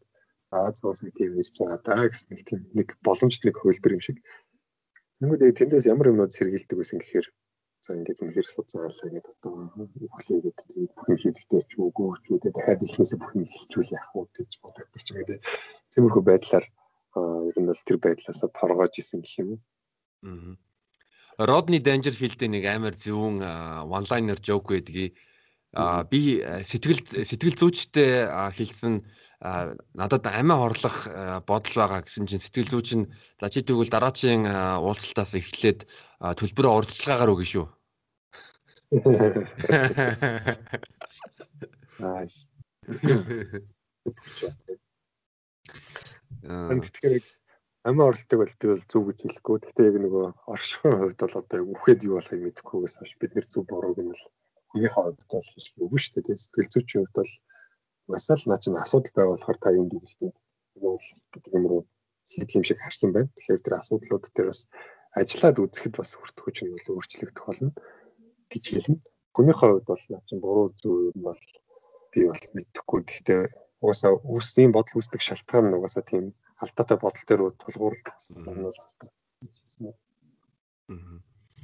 Тэгэхээр өөрөөр хэлбэл яг миний хариулт юу гэвэл а 99 а тэг 99 хувьд амиа хорл амиа хорлого бол өстой болохгүй зүйл шүү. Буруу зүйл шүү. Амиа хорлож болохгүй. 99 хувьд. Тэр 001 хувьд нь юу ах? Одоо жишээ нь би юу гэж бодсон бэ гэвэл одоо Адольф Гитлер чинь 2 дугаар дайны дайн дайны төгсгөлд ер нь амиа орлоо шүү дээ тий Аха. Аа жишээ нь жишээ нь мань хүний хувьд бол би юу гэж сая бодсон бэ гэвэл амиа орлого ер нь зөв байсан. Яагаад гэвэл нэгдүгээр дайн дайнд ялдсан ялдаад мэдээж шүүх хурл болоод шийдэх шийтгэгдэн а шийтгэхдээ шийтгэл юу вэ гэвэл та ял авах магадaltaй та ял авах нахан туршдаа амьд бас дэлхийд даяар амьд байх үед түүнийг даатан адгуус гэдэг яа. Тэгэхээр бас тэр нөхцөл бол амиа орлох хорлох шийдвэр гаргасан нь бас зөв юм бо магадгүй зөв байсан гэж би бодож байна л да. Аа гэхдээ яг хөнгөт магадгүй тэр ад үзэгдэх тэр хараалгаж хүүхдгээс ч дор өвтөлттэй байх юм. Бид нар мэдгүй л дээ. Өөр юм гэвэл яг бүр амар тийм амар хэцүү хор тавдартай ч юм уу янз бүрийн янз бүрийн иймэрхүү шалтгаанууд бол байж магадгүй. Гэхдээ энэ талаар юу нь бол аа яг амар хэцүү. Тэр энэ энэ зөв энэ буруу гэж хэлээд амар хэцүү. Тэр яг өндөр бол том философи асуудал болчихж байгаа. Сэтгэл зүйчийн асуудал биш. Одоо Золоо Бадрал хоёрын ярих асуудал биш. Том философи. Хоёлаа ярихаар тэр философик болчиход байгаа юм надад сэтвч юм болохоор. Яг гэхдээ нэг амиа золиослолт гэдэг бас арай өөр нэг юм байгаад байгаа л та. Альтруистик гэдэг бусдын төлөө амиа орлох үзэгдэл бол ерөөсөө амтны аймаг дотор ч харагдчихэдэг, хүний дотор ч харагдчихэдэг тийм зүйл бол байдаг л та. Аа одоо их хүн те их хүн хүүхдтэй аврахын төлөө. Тэр бол арай нэг жоохон тайлбарлах боломжтой байгаа байхгүй тийм чинь нөгөө өөрийн генийн сангаа хамгаалаад одоо нэгэнт хөгшөрсөн наслц маань бусдынхаа өмнөр одоо хамгаалж одоо өөрөө алагддаг ч юм уу тийм үү бол яг биологоос биологоос одоо тайлбарлахад тэр чинь одоо яг одоо энэ энэ бие бол одоо ингэ муудсан. Аа тэгээд тэн чинь миний сайн гэнүүд байгаа. Тэгэхээр би энэ биеийг залилслаа тэр сайн гэнүүдээ авч үлдчих одоо цааш нь үржүүлэх ёстой гэдэг юм механизм явсан байж болно шүү дээ. Арай нэг тайлбартай юм л. Тий. Аа за ерөнхийдөө сайхан сайхан ярьслаа. Тэгээд төгсгөлд би бас үлгч сонсогч нартаа бас бас нэг сонирхолтой факт ярих гэж бодсон. Аа ер нь жилийн өмнө нэг сайн найзууд яг сайнуудад болсон гэж би бодож байгаа. Өмнө нь бол ер нь би биендээ жоохон тийм дуугүй би ер нь бол тийм роустлдаг байсан. Тэр роустинг анхандаа хоргүй байж байгаа. Сүүлдээ амар хортой токсик роустуд болоо. Тэнгүүт нөтэн зүүн нэг нэг хамт нэг тэ нэг сайн би ойлгоод ер нь сайн найзууд болсон байгаа шүү. Тэр амар spiritual experience гэсэн тэ ингээд гой байгаль ууалаад тэнгэр хараад бас сонирхолтой байсан шүү. Тэгээд яг би бинийхээ ингээд бодод мөн чанарыг яг ойлгох. Тэр нэг тал юм байх хэрэгтэй хүмүүс биш үү? Ягаад хонд хэмжингүй байсан юм бэл. Тэгэл ер нь санаад хэлчихсэн. Яг нэг а ховх тийм үйл ажиллагаа байсан. Тэгэнгүүт нь яг хондоо тий токсик харьцаа хэлбэл би чам одоо тий нэг муунуудаар ингээ хараал идэг. Тэнгүүд нь бас нөгөө бас нэг тийм юм байгаад байгаа. Тэнгүүд нь яг тэр хамт ингээд уулын ингээ алдчих жахт бол яг л тэгээ эгогоо хаяад тэгэл яг ойлголцох үүднээс харилцаа эхэлсэн болохоор бас тэрний дараа л тэгэл ер нь бол би бинийгаа яг сайн ойлголцоол тэгэл тийм гоё харилцааны нэг Brokeback Mountain аа Тэгээ хоёулах нь байгаагүй л дээ олон байсан. Яа ололоо байсан. Тэгээ яг золоотой баасан. Тэгээд одоо ч ихэр нэр комеди дотор ингээл золоо бол бусдасаа ч илүү баг татна санагддаг шүү дээ. Оо за. Баярлаа. За хоёлаа ер нь бас сайхан сайхан ярьцлаа. Мөн бас манай үзэгч үзэгч нарт бас хүртээмжтэй дугаар болсон гэдэгт бол итгэлтэй байгаа. Тэгээ тийм болохоор а сэтгэл зүйч подкастыг бас сонсоорой, subscribe дараарай, share хийгээрэй. Бас шоу жигсаалтны бас 3 4 хавцаал яваад байгаа шүү ээлжлээ. Айгу сайн рейтингтэй сонсч үзээрэй манайхаа. Тий. За тэгээд бадралдаа а урилга хүлээж аваад сайхан ярилцсанд маш баярлалаа. Нэстэ төгсгөлийн нэг ганц хоёр Аа. За ер нь чамд ч гэсэн өрсөнд баярлалаа. Тэгээд яг нэг ярих хүсдэг байсан юмудыг бас их ярих боломж олдож ярьлаа л да. Одоо сэтгэл зүйч төр ч юм уу тэгээд дараа нь ярина гэж бодож байсан. Битээс бас тэр болохоор яг бид нар чинь өөрсдөө гурлаа хөтлөгч тэгээд орчимтой болохоор байнга зарцсан хөтлөгч нь яриад чаддгүй. Тэгэхээр бас ярихыг хүсдэг байсан юмудыг их сайн ярьж чадлаа. Тэгээд олон хүмүүс бас хүрээсэй гэж бодож байна. Тэгээд чамд ч гэсэн бас энэ аа манайхан бас тэгээд яг ерөөсө бидний яг нийгэмд бол яг хийх ёстой юм гэх юм бол яг би одоо нэг жон сургаал хэлт төсөлийн үг гэдэг нэг юм жон төсөлийн үг ашиглаж байгаа юм чинь сургаал байгаа юм шиг ярьчих. Хүн болгон мэдчих чаддаг юм байдаг. Хүн болгон даваа тал байдаг. Тэр болгоно ингэж бусдад төгөөх юм бол миний нэг хамгийн ихэнд ярьжсэн бити сонсож подкастаас ер нь юу сурсан бэ гэдэг шиг яг бүх асуудлын шийдэл нь бүх нийтийн боловсрол байдаг учраас хүн болгон сурсан бол чадсан болгоно бусдад ингээд түгээгээд одоо тий цолгоо шоуны сэтгэл зүйч подкаст юм ингээд яг хүмүүс тэгээ гаргаад өгчөж байгаа тийм мэдлгүүдээ ингээд энэ шиг өгөх юм бол улам л илүү сайн юм бүтээгээд бидний амьдрал орчин улам л илүү сайн болоод тэр хүмүүс ч хөгжих ирээр илүү сайн юм бүтээн штэ илүү соёлтой ядаж адаглаад амьдрын штэ. Их мэтэр илүү сайхан ирээдүг бүтээн илүү сайхан нийгмийг бүтээх болохоор хүн болгоо яаж чаддаг мэддэг юм илүү сайн сураад тэгээд бусдаа сайн түгэх бол айгүй чухал юм биш үү? Нөгөө нэг нэг үг байдаг штэ. Хүний нэг гурван юм их хэвдэг ном бичих байшин байх. Шиг мод тарих хүүхэд төрүүлэх гэдэг л тэр шиг хүүхэд төрүүлэх бол угаасаа гений хувьд бол гений өгдөж байгаа байгалийн зүн. а мод тарих болохоор нөгөө орчин орчин тойрноо хамгаалж байгаа. Тэгээд ном бичих гэдэг бол одоогоор одоо энэ подкастыг ч юм уу мэдлэгээ үлдэх одоо зөвхөн төрөлсний ерөнхий хөгжилд нөр оруулах гэсэн утгатай байхгүй. Тэгэхээр энэ алхмаас хийцгийгээрээ гэж урайлж чинь хамтдаа хийцгээе тийм. Тэгээд а тэгээд гурав дахь зүйл нь бол юу гэвэл татвараа төлөх. Тэр нь бол улс төртэй тэр засаг зас төр дор одоо татвар оршин татвар дор төр оршин гэж байдаг шүү дээ. За тийм л энэ да. Тэгээд золоодоос амжилт төсөө золоо шоугаас хийсээр байгаараа олон хүмүүсийг ярилцаад олон сонирхолтой хүмүүст нэраа хүргээрэй гэж хүсье. За бай тэгээд энэ дугаар өнөхөр гарвал бодолтой бүх бүх ажил үйлсэд нь сайн сайхан бүхнийг өсөн өрөө тэгээд удахгүй уулзъя бро баярлаа. За таач гэсэн удахгүй уулзъя залуутаа ч гэсэн карантин тусаад уулзъя да.